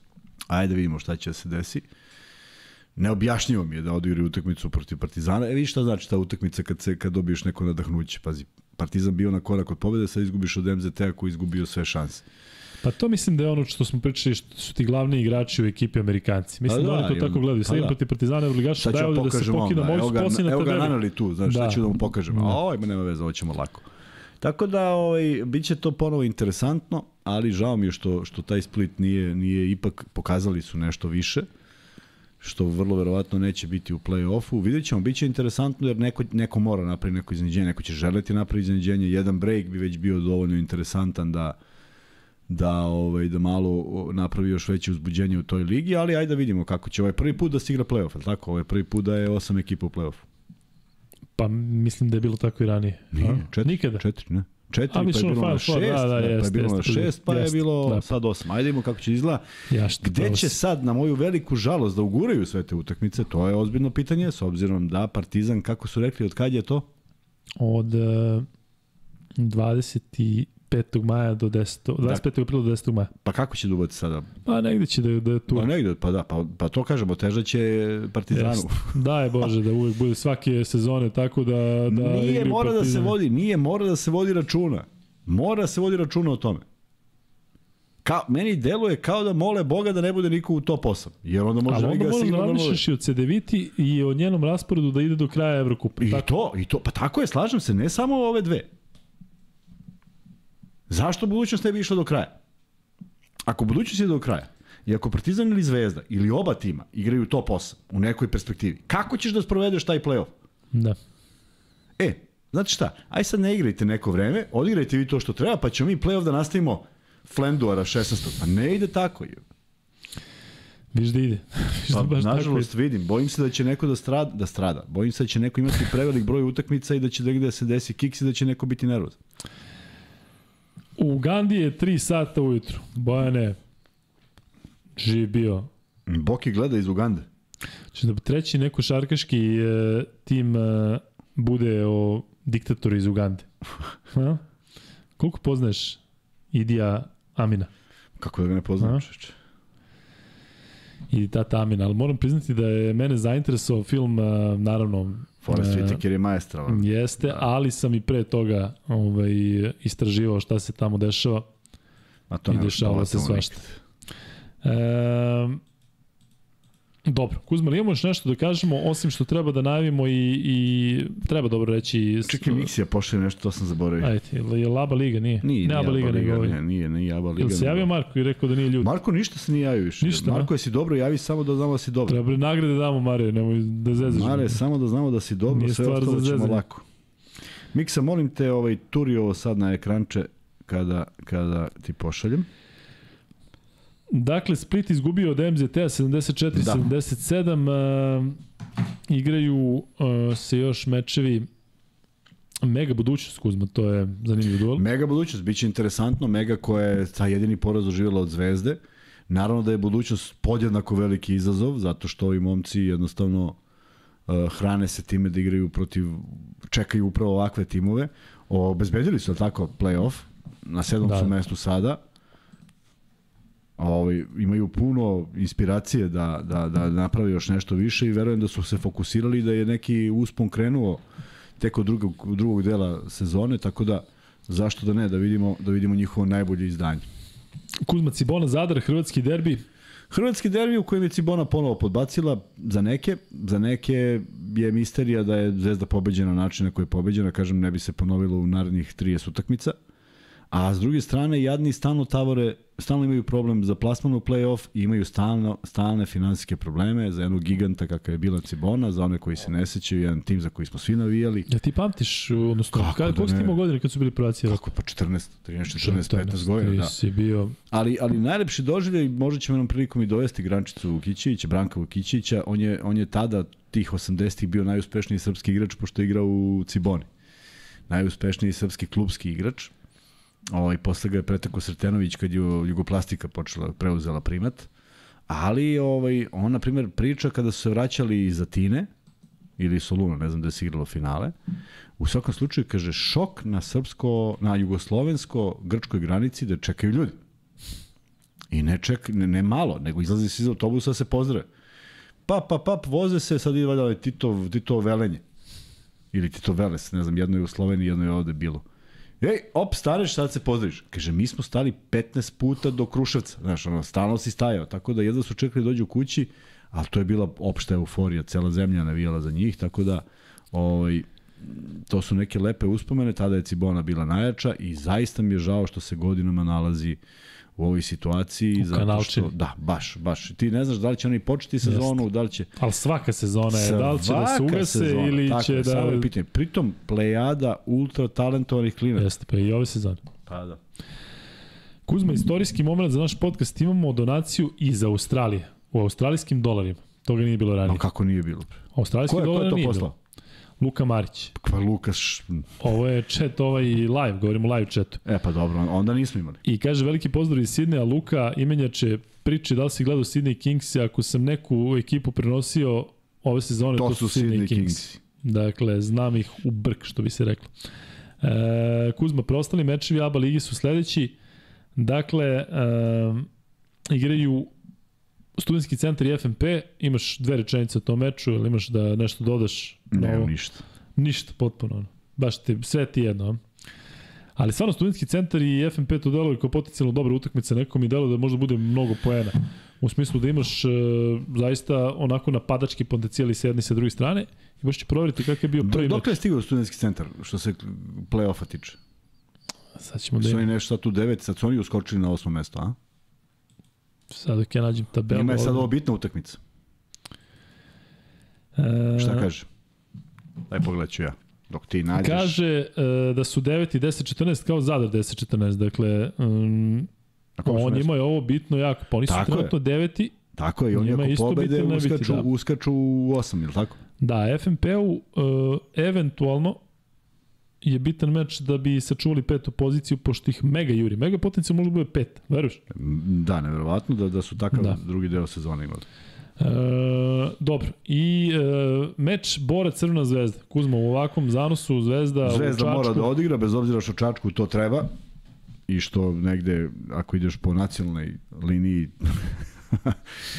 ovaj, Zvezda i mogla da pusti taj meč, ne verujem da će puštati, ne verujem ni niti treba da pušta, jednostavno takva je situacija, ali da, borcu gori pod nogama, ako pobedi, ostaju u ligi, ako ne, onda dolazi do problema, ali mi, mi je krivo što mi se čini da je u onom momentu baš od srpskih klubova, moram da se ogradim, ne znam kako funkcioniše taj neki skup koji se tamo dešava u ABA ligi, ali mislim da su srpski klubovi morali da zaštite borac u onom momentu kada je igrao protiv Cibona.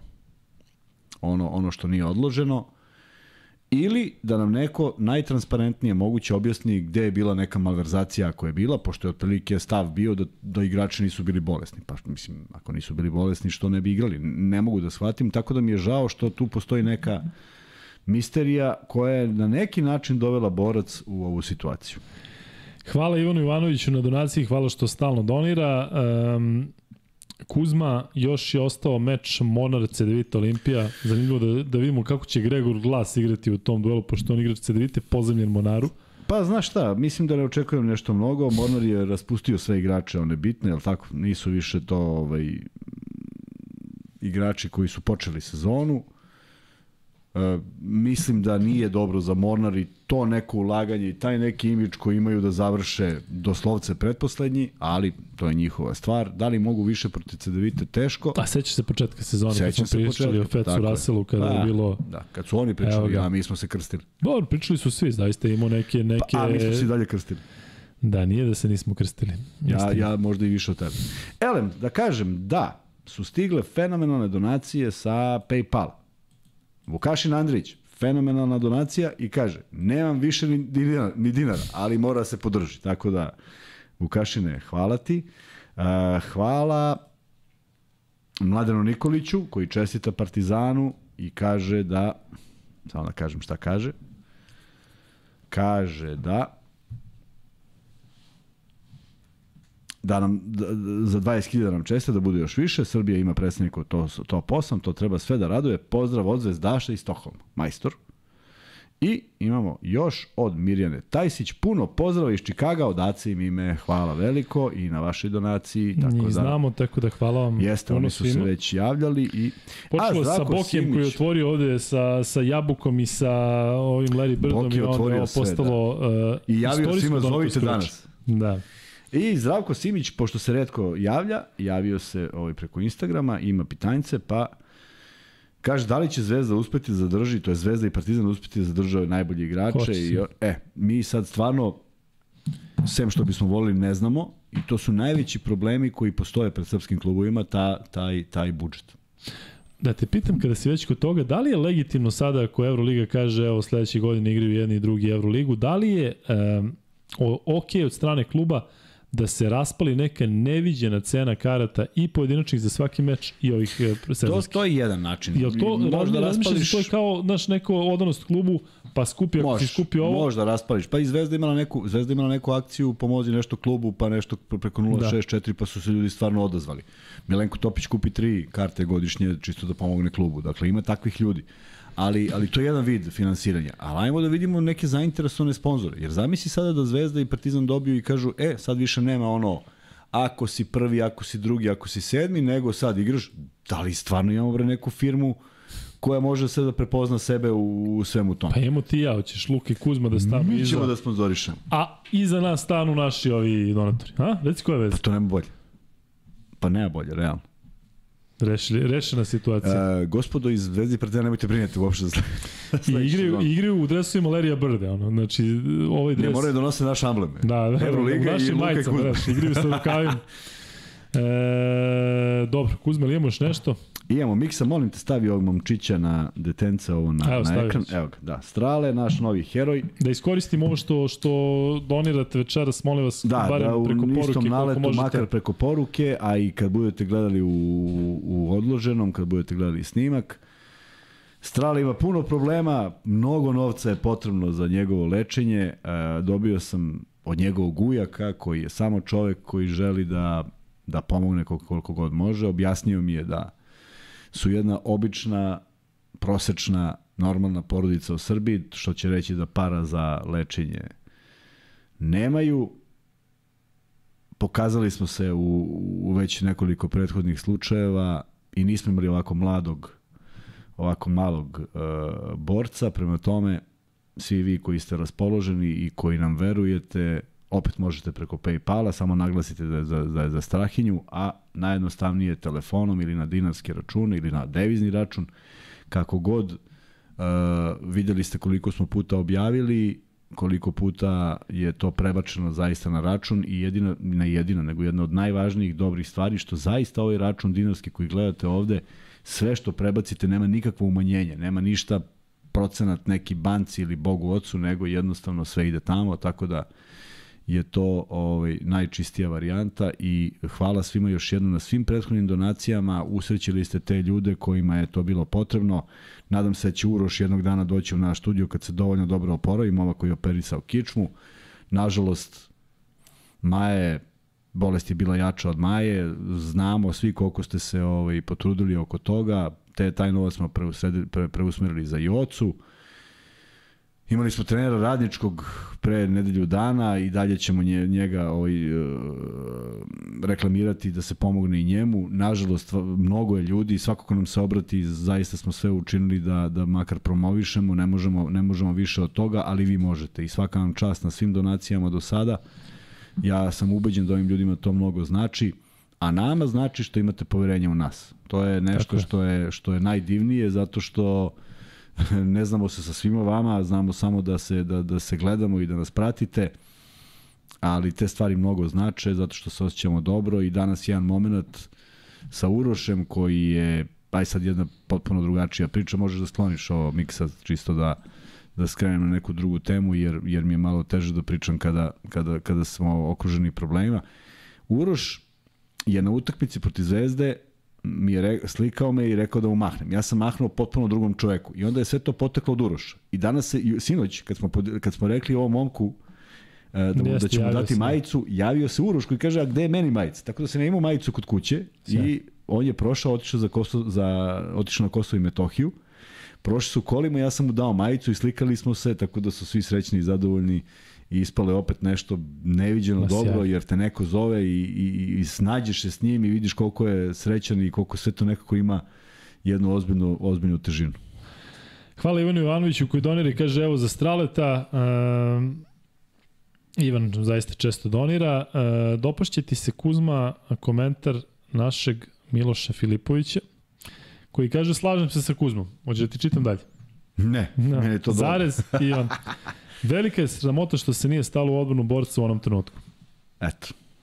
Da, Jeste. mislim da čak nismo ni dovoljno to potencijali, jesmo u jednom dva Ej, podcasta, ali to je trebalo u da forsiramo u toj momentu, meri. Ali znaš zašto nismo? Zašto? Zato što nam je to pitanje promaklo kad je bio predsednik Partizana u gostima. I ja sam se spremao da ga postavim. Pa Zašto? mislim da jesi.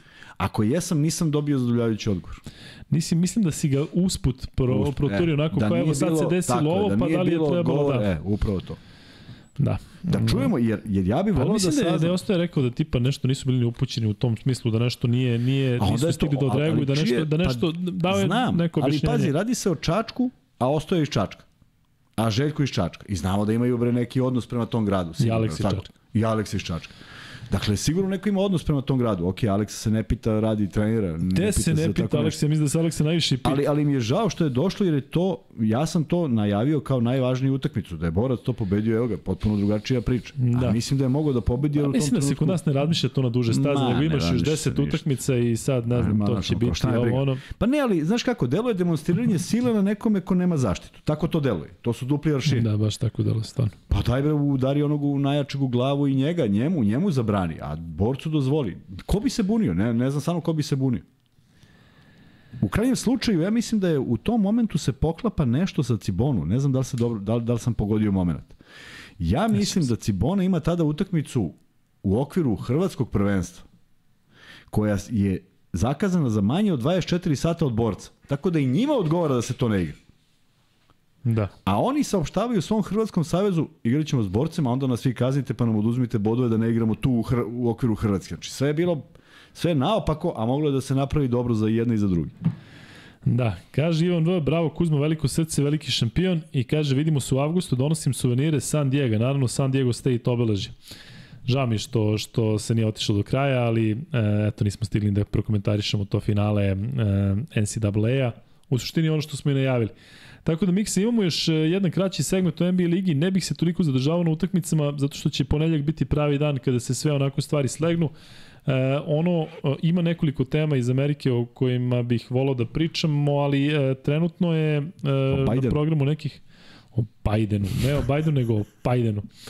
E,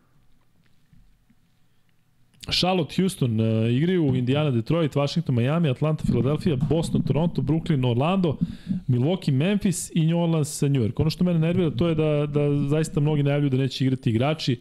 Evo sad izašlo nešto za Luku da je završena sezona za njega. Dallas kako god će teško do, do play-offa zato što završi se od uh, Oklahoma City Thunder ekipe, a e, sutra, o, tačnije danas, 8. aprila, u subotu, Utah i Denver igraju u 21.30. Ko zna sa kakvim sastavom će da, da igra Denver. Ali Miksa, ono o čemu sam hteo da pričamo, to je recimo ova lista koja je izašla, koju je izbacio mm, neki Ringer, e, ne neki, nego izbacio je Ringer, koji je stavio e, najbolje igrače, e, trenutno 125 najboljih igrača u NBA ligi. Jokić je prvi, Adetokumbo drugi, treći Joel Embiid, četvrti Steph Curry, peti Luka Dončić. To je ono što često pominjemo, da zaista, da je neko rekao pre 20 godina da ćeš od pet igrača, četiri, da će Amerikanci da stavaju četiri stranca, a na prva tri mesta tri stranca, delo je potpuno neverovatno. Pritom, Vembanjama naredni pik, sigurno prvi, posle toga onaj Litvanac koga su Amerikanci prisvojili, onaj Mateš, kako se zove, dečko koji, koji je neverovatan, dakle ovi klipovi koji se pojavljuju su nestvarni.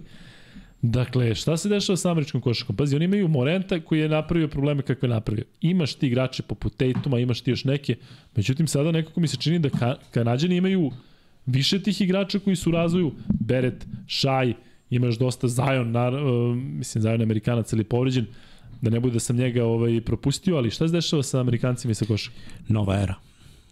Je ti deluje da, da, da ide neka nova era? Jeste, ali nema objašnjenja da li se promenila košak ili šta se desilo, ili jednostavno, znaš, Pa jeste se promenilo malo u odnosu na, pa pazi, u posljednjih pet, uzmi pet godina, ono, pre pet godina i sada jeste se promenila, ali konačno, ja mislim da, osim Janisa, koji je klasičan atleta, sve na atleticizam, ovi ostali igraju drugačije, igraju malo, malo usporenije i u, u principu ti brzinu možeš da pobediš fintom, pravim potezom, promenom ritma, promena ritma jedna od najboljih finta u svakom sportu, manje više. I čini mi se da sve više ovi koji igraju tako, jer ne, ne može da se igra sve na atleticizam.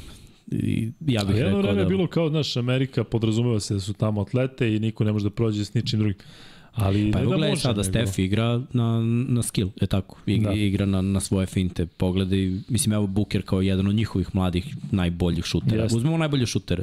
Da. Uh, Lillard takođe šuter, finte. Redko ko od njih sada igra na atletizizam, kao što je bilo nekada. Ne, nekad su bili dobri šuteri i atlete kao Jordan, Kobe, LeBron. Sada ni, ja mislim da nije tako. Bar mi deluje da nije tako. Da. I mislim da, da se više cene ove neke druge stvari. Ali da prednjače i ostatak sveta prednjači. Mislim, evo ti gledaj trka za MVP-a ove tri najbolja nema Amerikanaca. Ali zamisli sada meč Amerikanci protiv ostatka sveta.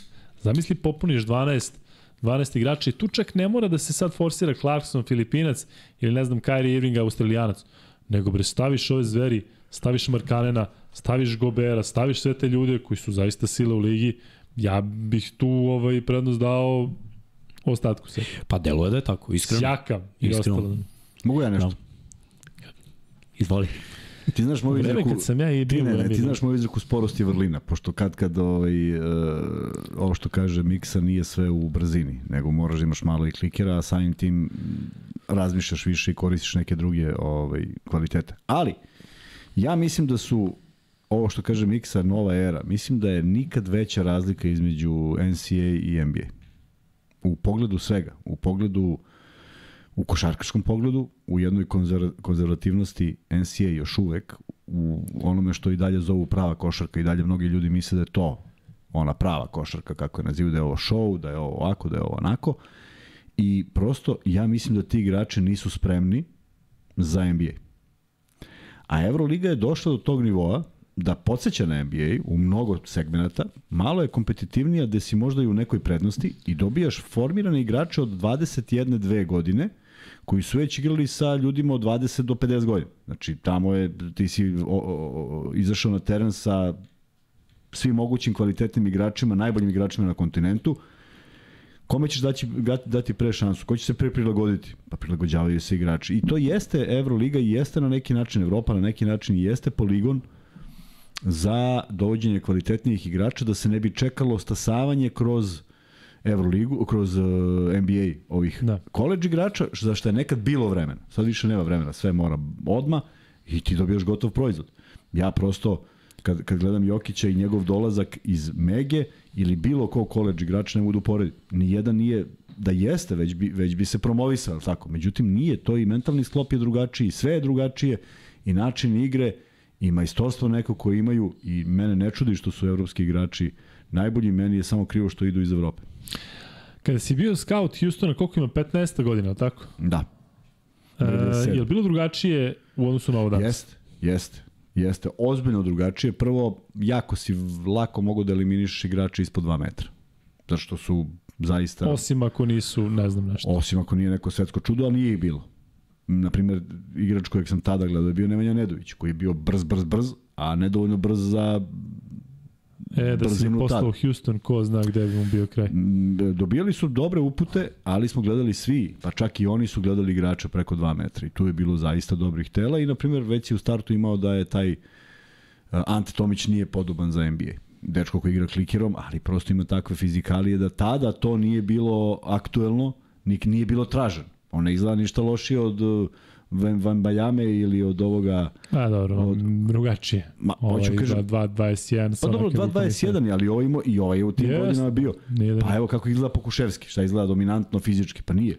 Dakle, ali prosto nije bila, nije bila potražnja takva. A Lukša, što bi ga ti rekao, rekao Nikša, Nikša Lukša Andrić, on je bio, on je bio i već je bio viđen da bude izabran na tom draftu, nije. Niko nikad nije saznao u čemu je bio zaokret Denvera, Detroita, tako da nije izabran, ali eto on je jedan od redkih koji je iz tih, iz tih mojih nekih uh, kontakata sa, sa, sa, e, sa NBA preko, preko scoutinga dopro na tu listu i vrlo ih je malo prošlo. jesi ti zakačio onu ekipu Delaš, Zupčić i to? Ne. Ne. E, dobro. Mm, Miksa ima još dve teme iz NBA, onako malo su uh, sa strane što bi se reklo. Ja i ti smo radili onaj uh, legendarni meč uh, Toronta i uh, Filadelfije i radili smo i tu seriju i Toronto je te sezone bio šampion i evo sada koliko stiže informacija da Nick Nurse verovatno neće više biti trener, ali odmah se zainteresovao Houston.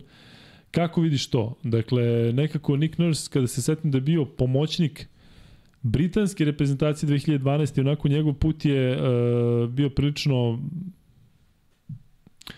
čudan, ali je uspeo da osvoji titulu i to je bila ona sezona gde se zaista tempiralo jedna sezona i to je to ako uzmu, uzmu i uzeli su, ali čini se da je sebi obezbedio još pola decenije bar u tom klubu.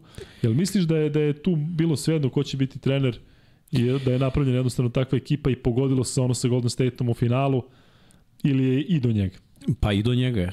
Prepoznao je kakvu minutažu da da, kako da podeli. Opet i GM je odradio dobru stvar, jer GM je meni Dolazak- radio celu stvar. Tako je, dolazak Kavaja je mnogo toga promeni. Konačno su imali nekoga da završi, nekoga ko može da pogodi za tri, ali koji je bolji odbranbeni igrač od 2 do 4 za razliku od DeRozana i napravili su dobru ekipu i znao je kako da pogodi sa Laurijem i sa Van Vlitom.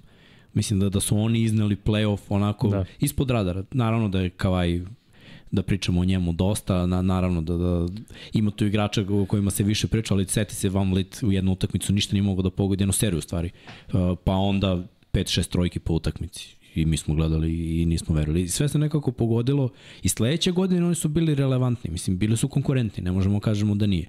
Kavaj je otišao, to nisam očekivao Jeste, uopšte, mislio sam da će Kavaj da ostane. Da je ostao, verovatno bi i mislim da bi bili oni bolji na, na, Mislim da na se istoku. znalo da je doveden na tu jednu sezonu, da Rosen i da, da posle toga ono sve ili ništa. Mislim da je tako bilo to. Da. I šta ćeš onda od trenera da tražiš? Ostaje bez najboljeg igrača, bez igrača koji je bio MVP finala, koji je već osvajao i sa San Antonijom, pa je osvojio ovde i on sad odlazi i ti ostaješ da ti je najbolji igrač bukvalno Fred Van Vliet. I šta su očekivanja? Da uđeš u playoff, ok, uspeo je, da ostvariš nešto više. Mislim, Sijakam je Da, pa me izrastao u čudi, All-Stara. zato mi i čudi, zato što je, znaš, on sa ovom ekipom ipak napravio, prema uh, mom mišljenju je veći uspeh ovo što radi Toronto ove sezone nego titula te sezone. Zato što Istina. jednostavno, znaš, Istina, I oni ga, oni ga otpuštaju. To je bila i poenta. Pitanja ovog malog Silasa koji sa Houstonom je odradio posao naš klinci. Vidi se da se žrtvuje sezona, njega sklanje. Znaš šta, promena sredine nekad nije loša stvar.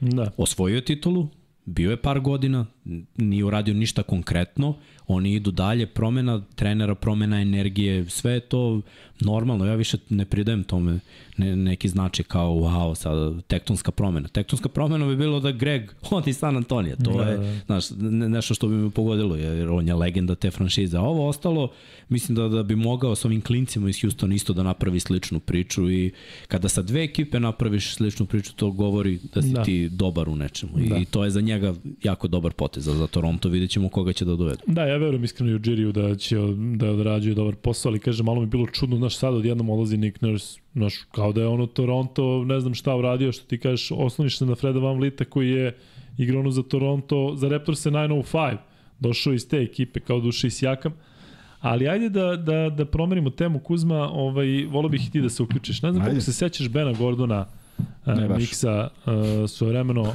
ne pitaš A mene. sećaš se ti. Ne, ne, ali ti, ti ćeš ovde biti bitan što se tiče odgovora, zato što ja nemam zaista odgovor. Ben Gordon je svojevremeno bio jedan od najboljih igrača na svojoj poziciji u ligi. Ja se sećam da sam ga gledao nekoliko puta i zaista je fizički i mentalno delovao fantastično. Dakle, on je već, on je svoju titulu u, u, na koleđu, pa je onda bio u ruki sezoni šesti najbolji igrač lige, što je jedini ikada. I ja mislim da je po, po pogođenim trojkama u top 3 Chicago, Heinrich i mislim da se Lavin sada tu umešao. I čovek prekine karijeru malo ranije nego što se očekivalo i danas, ne znam da li si čitao šta se dešava. Ne.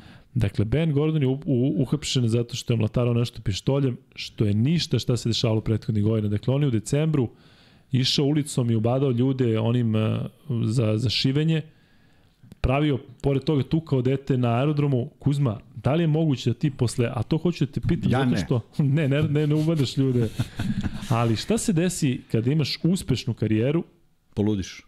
Dakle, nije jedini slučaj. Imamo jedno 3-4 igrača koji su zaista otišli u potpunu krajnost. Mislim da dostupnost svega uništava čoveka. Kad možeš sve. A oni zaista mogu sve. I ne shvataju da to sve traje jako kratko. I koliko god da mogu tada, to je vrlo kratko. I da saberu sve svoje godine, to je jako mali period njihovog života. Mnogi su spiskali pare, mnogi su napravili haos od svojih života, mnogi su ostali bez igde ičega, mnogi su se okrenuli i drogi i bilo čemu drugom, nekakvim porocima, tako da jednostavno nisi svestan u što si ušao, deluje to sve kao bajka, ne znam iz kakvog miljeja on dolazi u smislu da li je to bilo neko teško traumatično detinstvo što opet iziskuje da odeš u neku takvu krajnost, ali nije ni prvi ni poslednji, a mislim da to kad sve možeš da jednostavno prestanu da važe bilo kakvi prioriteti, bilo kakva bilo kakve životne vrednosti, jednostavno sve ti je dostupno, a sve se meri samo kroz novac. I to je društvo u kojem se to poprilično tako i meri. Ne samo tamo, sad se svuda meri samo tako. A kod nas, ili imaš primere tvojih nekih vršnjaka koji su bili generacije tvojih gde su otišli u neku potpunu krajnost posle karijere? da, nisu otišli u krajinu, da, neki jesu. Neki jesu, za neki ne znam ni gde su, ne znam pravo ti kažem ni, ni čime se bave, ali ničim, Ali loše vesti, ali ničim dobrim priča se, se, da, da. ničim dobrim se ne bave. Neki samo, neki samo prosto nisu imali mm, ideju da je ovo ograničenog karaktera. Naprimjer, ti živiš jedno vreme i zarađuješ ozbiljan novac i trošiš shodno tom novcu.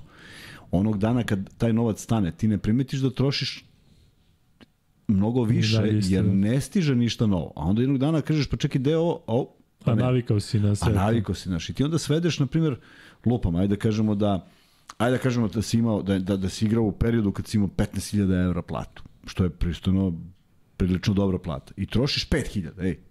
Ej, za 5.000 možeš živiš dan danas ko cela familija može da živi. A ti onda kada dođeš da primaš 2000, smanjiš sa 5 na 4 jer to ti je jedina šansa da da uđeš u neku u nešto približno pa si ti opet dve u minusu, da si stalno u minusu. Tako da ovaj, kupovali su ljudi pokretnine, to sam ja pokretnine, ja sam uvek kupovao neke normalnije stvari.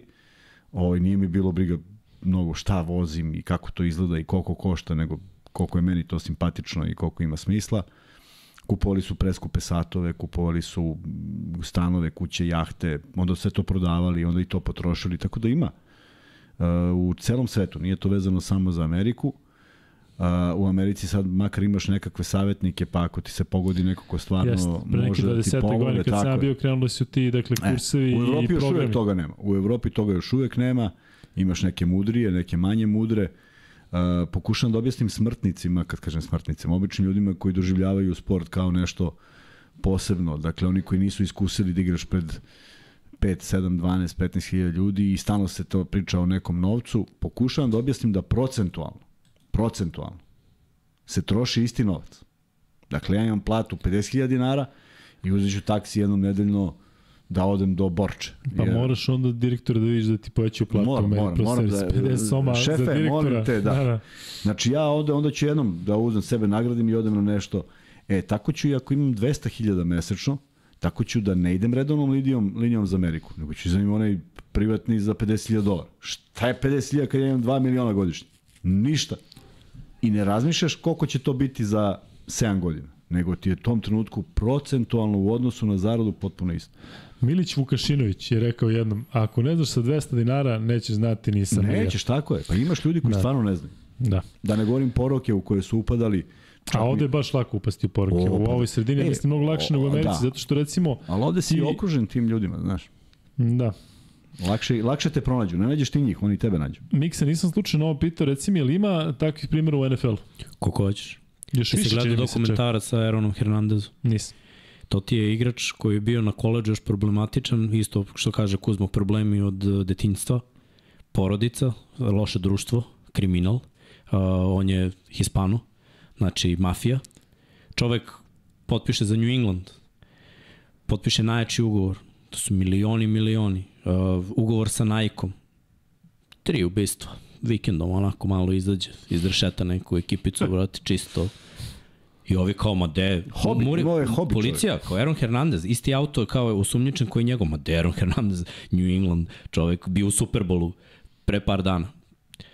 Kad se to okrenulo, što znači, nije jedini, jer ih ima. I to su sve ovo što, što, što je Kuzma rekao, znači kreće od uh, problematično, i kad imaš, naravno. To, i- ti kad imaš, misliš da si nedodirljiv misliš da, da si nešto posebno. I onda verovatno se previše opus njemu su sve dokaze, nažalost Borazer to držu u gajbi, onda tero ženu da ona kao izbacuje đubre i to da baci, mislim, znaš on koje su to nebuloze.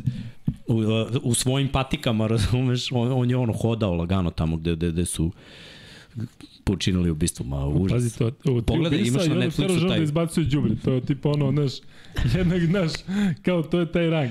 Žena ga još Da, da. pokriva. Pogledaj dokumentarac, ti ti voliš da gledaš, odušević se. Hoću. I da ti kažem iskreno, kad si pomenuo ovu temu, strašno mi je krivo kad čujem za neke svoje savremenike. Vidim da žive jako teško, e, nema više tu nekih, ne možeš više da dođeš do takvih do takvog novca na, na lak način. Ovo I na nije, legalan Ovo nije bio lak, daleko od toga da sam teo da kažem da je lak, ali smo to znali da radimo. To, bili smo nadareni za to i onda si u nekoj uspeo da nauči, neko nije. Ali stvarno mi nije prijatno kad vidim pojedine momke s kojima koje znam, koji su prilično fini, čestiti, normalni, ali prosto neko društvo, nešto ovako, onako, pogrešna procena. I ovaj, zato, što, zato što je jako teško shvatiti da posle takvog života ide život koji traje mnogo duže. Ja, ja kad pričam o svojoj karijeri, ona je do 34. 17, 17. Zato što sam kasno počeo. Ali nekome je do 34. i 20 godina. I Da. da. 25 nekima koji su krenuli jako rano. Ali onda imaš još 40 godina života ili 50 koje treba da osmisliš nekako. A niko ne razmišlja o tome šta sledi. Zato je meni i američki sistem mnogo bolji, zato što tebi te stipendije ipak garantuju neku diplomu i ti sa tim To posle je imaš apsolutno, nešto. to je nažalost Dakle, jedino, znaš, meni je, meni je neverovatno da je samo Amerika razvila taj sistem. Redko ko ima taj sistem. Na primjer, ja sam mislio da će u Nemačkoj to Filipini zaživeti. imaju. Ja sam mislio da će u Nemačkoj to zaživeti. Univerziteti su im strahoviti, vode računa o zdravlju, o sportu, ali nije, prosto nije zaživelo nigde u Evropi na taj način. Mm, Da. E, Miksa, sa ovim bih i završio ovu NBA priču, otišli smo možda malo, ne predaleko, ali Ma jok, jednostavno... taman za 3 sata. Tama. I Kuzma, hoćeš ti poslednji free bet Ne, ne, ili ne, šta ne, ćemo? ne, ne, radi mi više mozak uopšte. Kako sad si pričao 20 minuta, radio ti je kao sat i sad jednom Mogu kao samo da blokada. nastavim u treba ovom, free bet. samo mogu u ovom pravcu. nastaviti. Da, koji moj savremenik je najgore prošao free bet? Da. Koji je Pu, bio? Da. I sad ja pokazujem, on ne samo da kažem. Ali e, treći free bet nam je ostao i e, zaista svaka čast 2000 ljudi u live-u posle 3 sata svega ovoga e, fenomenalno. E, ništa. Može treći free Ništa, bet da bude, hoćemo u, u vezi NBA lige, šta Može, kažeš. Miksa, a? Može. E, hoćeš ti Miksa neki da ispliš ili da smišljam ja nešto usput? Pa ajde, mogu bi, mogu bi Bravo, neki da mislim. smislim. Ajde. Dok Miksa smišlja, ja da vam se zahvalim još jednom na svemu. Hvala Bokiju na poklonima, hvala svima vama na Boki je donacijama. još tu da znate, Boki, Boki je, je dakle, 2001. ono, u live. A delo mi da bi ostao još dva sata i da smo mi dva sata. Um, šta da vam kažem, ljudi, držite se zajedno, vidite da su sve luđe i luđe vremena, dakle, često ovde kada vidimo vas koji pišete sa Kosova i Metohije, um, zaista nam je drago da vidimo da možemo da vam olakšamo tu svakodnevicu koja zaista nije, nije laka. E, nije lako nigde, vidite šta se sve dešava i u svetu i ovde oko nas i zato mene prilično nervira kada mi imamo ovde neke poluimaginarne probleme umesto da se držimo zajedno. Tako ne da će nam biti samo, ne da ćemo biti jači, nego će nam valjda biti lakše nego da neku negativnu energiju koju svi imamo usmeravamo jedni ka drugima. Tako da, hvala puno za, za, za tih 20.000, za nas je ovo poseban podcast, eto, po, potrefilo se da uh, to bude sinhronizovano sa, sa plasmanom Kao- kao nismo top tako, 8. kao nismo da, da, neko je pisao pre 2-3 dana kao je baš će tada bude, ja rekao možda će ranije, ali nije. Uh, uživajte u košarci, uživajte u svemu ovome što radimo jer je ovo posebna godina i daj Bože da i naredne budu takve. A, šalite se sa neistomišljenicima u smislu navijačima protivničkih klubova, onako kako je to i, i ranije bivalo.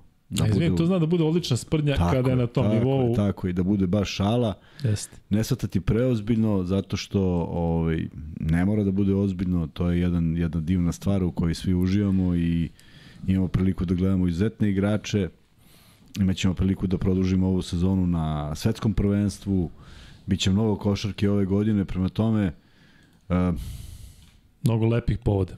Malo manje tih tenzija, jer neverovatan broj poruka koji je stigao, ne samo danas, nego koje nam stižu inače su u velikom, velikom, velikom broju izuzetno pozitivne i meni je to naravno drago i zato ne dozvoljamo da te neke kojih ima znatno manje da nas ometu, ali prosto ljudi uživajte malo u svemu ovome i u toj nekoj energiji koju donosi ovaj podcast nama, uživajte u ovome što mi pričamo jer vidite da pričamo bez nešto mnogo plana u smislu da se štedimo ili da nismo tu ili da ćemo da skratimo zato što je kasno ili bilo šta. Znam da veliki broj vas to ceni i eto, iskoristite tako nešto, čujete nešto, mislim da mnogo pametnih stvari, mislim da imamo mnogo dobrih ljudi koji donose nešto novo, mi sve to objavimo, videli ste neke stvari koje smo počeli sa ovim blogom i sa vašim, vašim mislima. Prema tome, ajmo da budemo jedna dobra zajednica i da uživamo u svemu ovome ovako kao što uživamo i fascinantan je broj ovih 2000 ljudi u pola tri noću u petak, bez obzira što je euforičan dan, što je Partizan pobedio, ali svakako prija kad znamo i evo, produžavam još za koju reč, produžavam da bismo bili s vama. I skače, skače u live, evo sad. Za, dva, za tri. Tako da uradili smo jednu lepu stvar sa ovih 20.000, dobili smo poklone, dobili smo što je najvažnije nove gledaoce i nadam se da će oni biti a, tu sa nama i, i, i dalje i u nekim novim brojima. Imamo i sve one propratne stvari koje nikada, skoro nikada ne reklamiramo, dakle momak iz Amerike radi TikTok, Luka i Kuzma, imamo Facebook, imamo Instagram, tamo se javljamo povremeno u live-u, to smo nešto uveli u posljednje vreme, ali još jednom veliko hvala svima vama koji ste uz nas na različite načine. Miksa, jesi smislio? Jesam. Mix i free bet, u nadi da se čuje, niko nije javio da se ne čuješ. Ne, ne, sad znam da, šta ovaj, je. Ne brini, to je šta sad kažeš, Miksa rešio. Ko je, kako se zove igrač koji je 2000 učestvovao na takmičenju za kucavanjima, igrao za Houston, zaradio 100 milki i kad smo već kod ovih problematičnih problema u životu, spisku sve i sad je Beskućnik. beskućnik popalo. To je A, da, pitanje. nije, ja mislim da ima i Ja znam, slučaja. ja ne znam. A, Kako mislim ne da znam, ne mislim da Vince ne znam. Carter, Tracy McGrady i treći Blessed and Rady. Da, Kuzma nema pojma. Kuzmi, Kuzmi 2000. godine za kucavanje Ja znači zato znam ništa. da je Larry Bird dao Portlandu 28 pojena levom rukom zato što je tako rešio. Prema tome, Evo ga, KJ Soul. Jeste. Steve Franchise. E, Niži od pa mene, brate. KG Soul već odgovorio danas na jedno. Daj bre, nemoj nešto zezati, već si odgovorio prvi. Nešto ako si odgovorio na ono prvi, mislim da si odradio prvi ja, to je bet. bilo juče, to je bilo u... Laufer To je bilo u 057, petak, ovo je u pošalji ti za svaki slučaj ako je Neša odgovorio dva puta, dakle Laufer 57. Neša is on fire. Hoće, hoće E, sva tri. Mm, Da. Kaže Vladimir Pantić, Luka sjajna frizura, svakim danom sve ti bolje stoji. Pa da, danas je onako manje, Sad je manje sjaj. Manje sjaj nego juče. Ovaj, I dobro, to bi bilo to za ovaj 158. podcast. Jubilarni. Neko se, pazi, to potrebilo, pazi, 158, a Partizan u top 8, Ma, prosto nevjerovatno. a 15. Ma da smo gađali 15. tako. se završava e, Euroliga. Sve se nekako uklopilo. Šal na stranu ljudi, ponedljak, četvrtak, petak, dakle, to je raspored za sledeću nedelju kada ćemo e, završiti dakle, sa regularnim delom sezone u Euroligi. E, u ponedljak ćemo pričati zaista dosta i u NBA ligi zato što ćemo tada imati kompletirane parove e, njihovog play-offa. Vidjet ćemo da nađemo nekog gosta, iako će biti teško zato što iz Partizana teško da će doći neko pošto igraju utakmice, ali radit ćemo i na tome da u narednom periodu bude više gostiju, pošto mislim da smo u, u 2023. imali samo ostaju. Znaš? I možda ovo što su dolazili naši, bio Marko i ostalo, ali Marka ne gledam kao gosta, gledam Pa ne, ono. moguće. Ali ništa nam nije falilo. Došlo Ja, na nam je 20.000. falilo 20 soma i, i Ja mislim da milioni u u donacija. Ja mislim da je sasvim u redu. Jeste. Ljudi, vidimo se u ponedljak.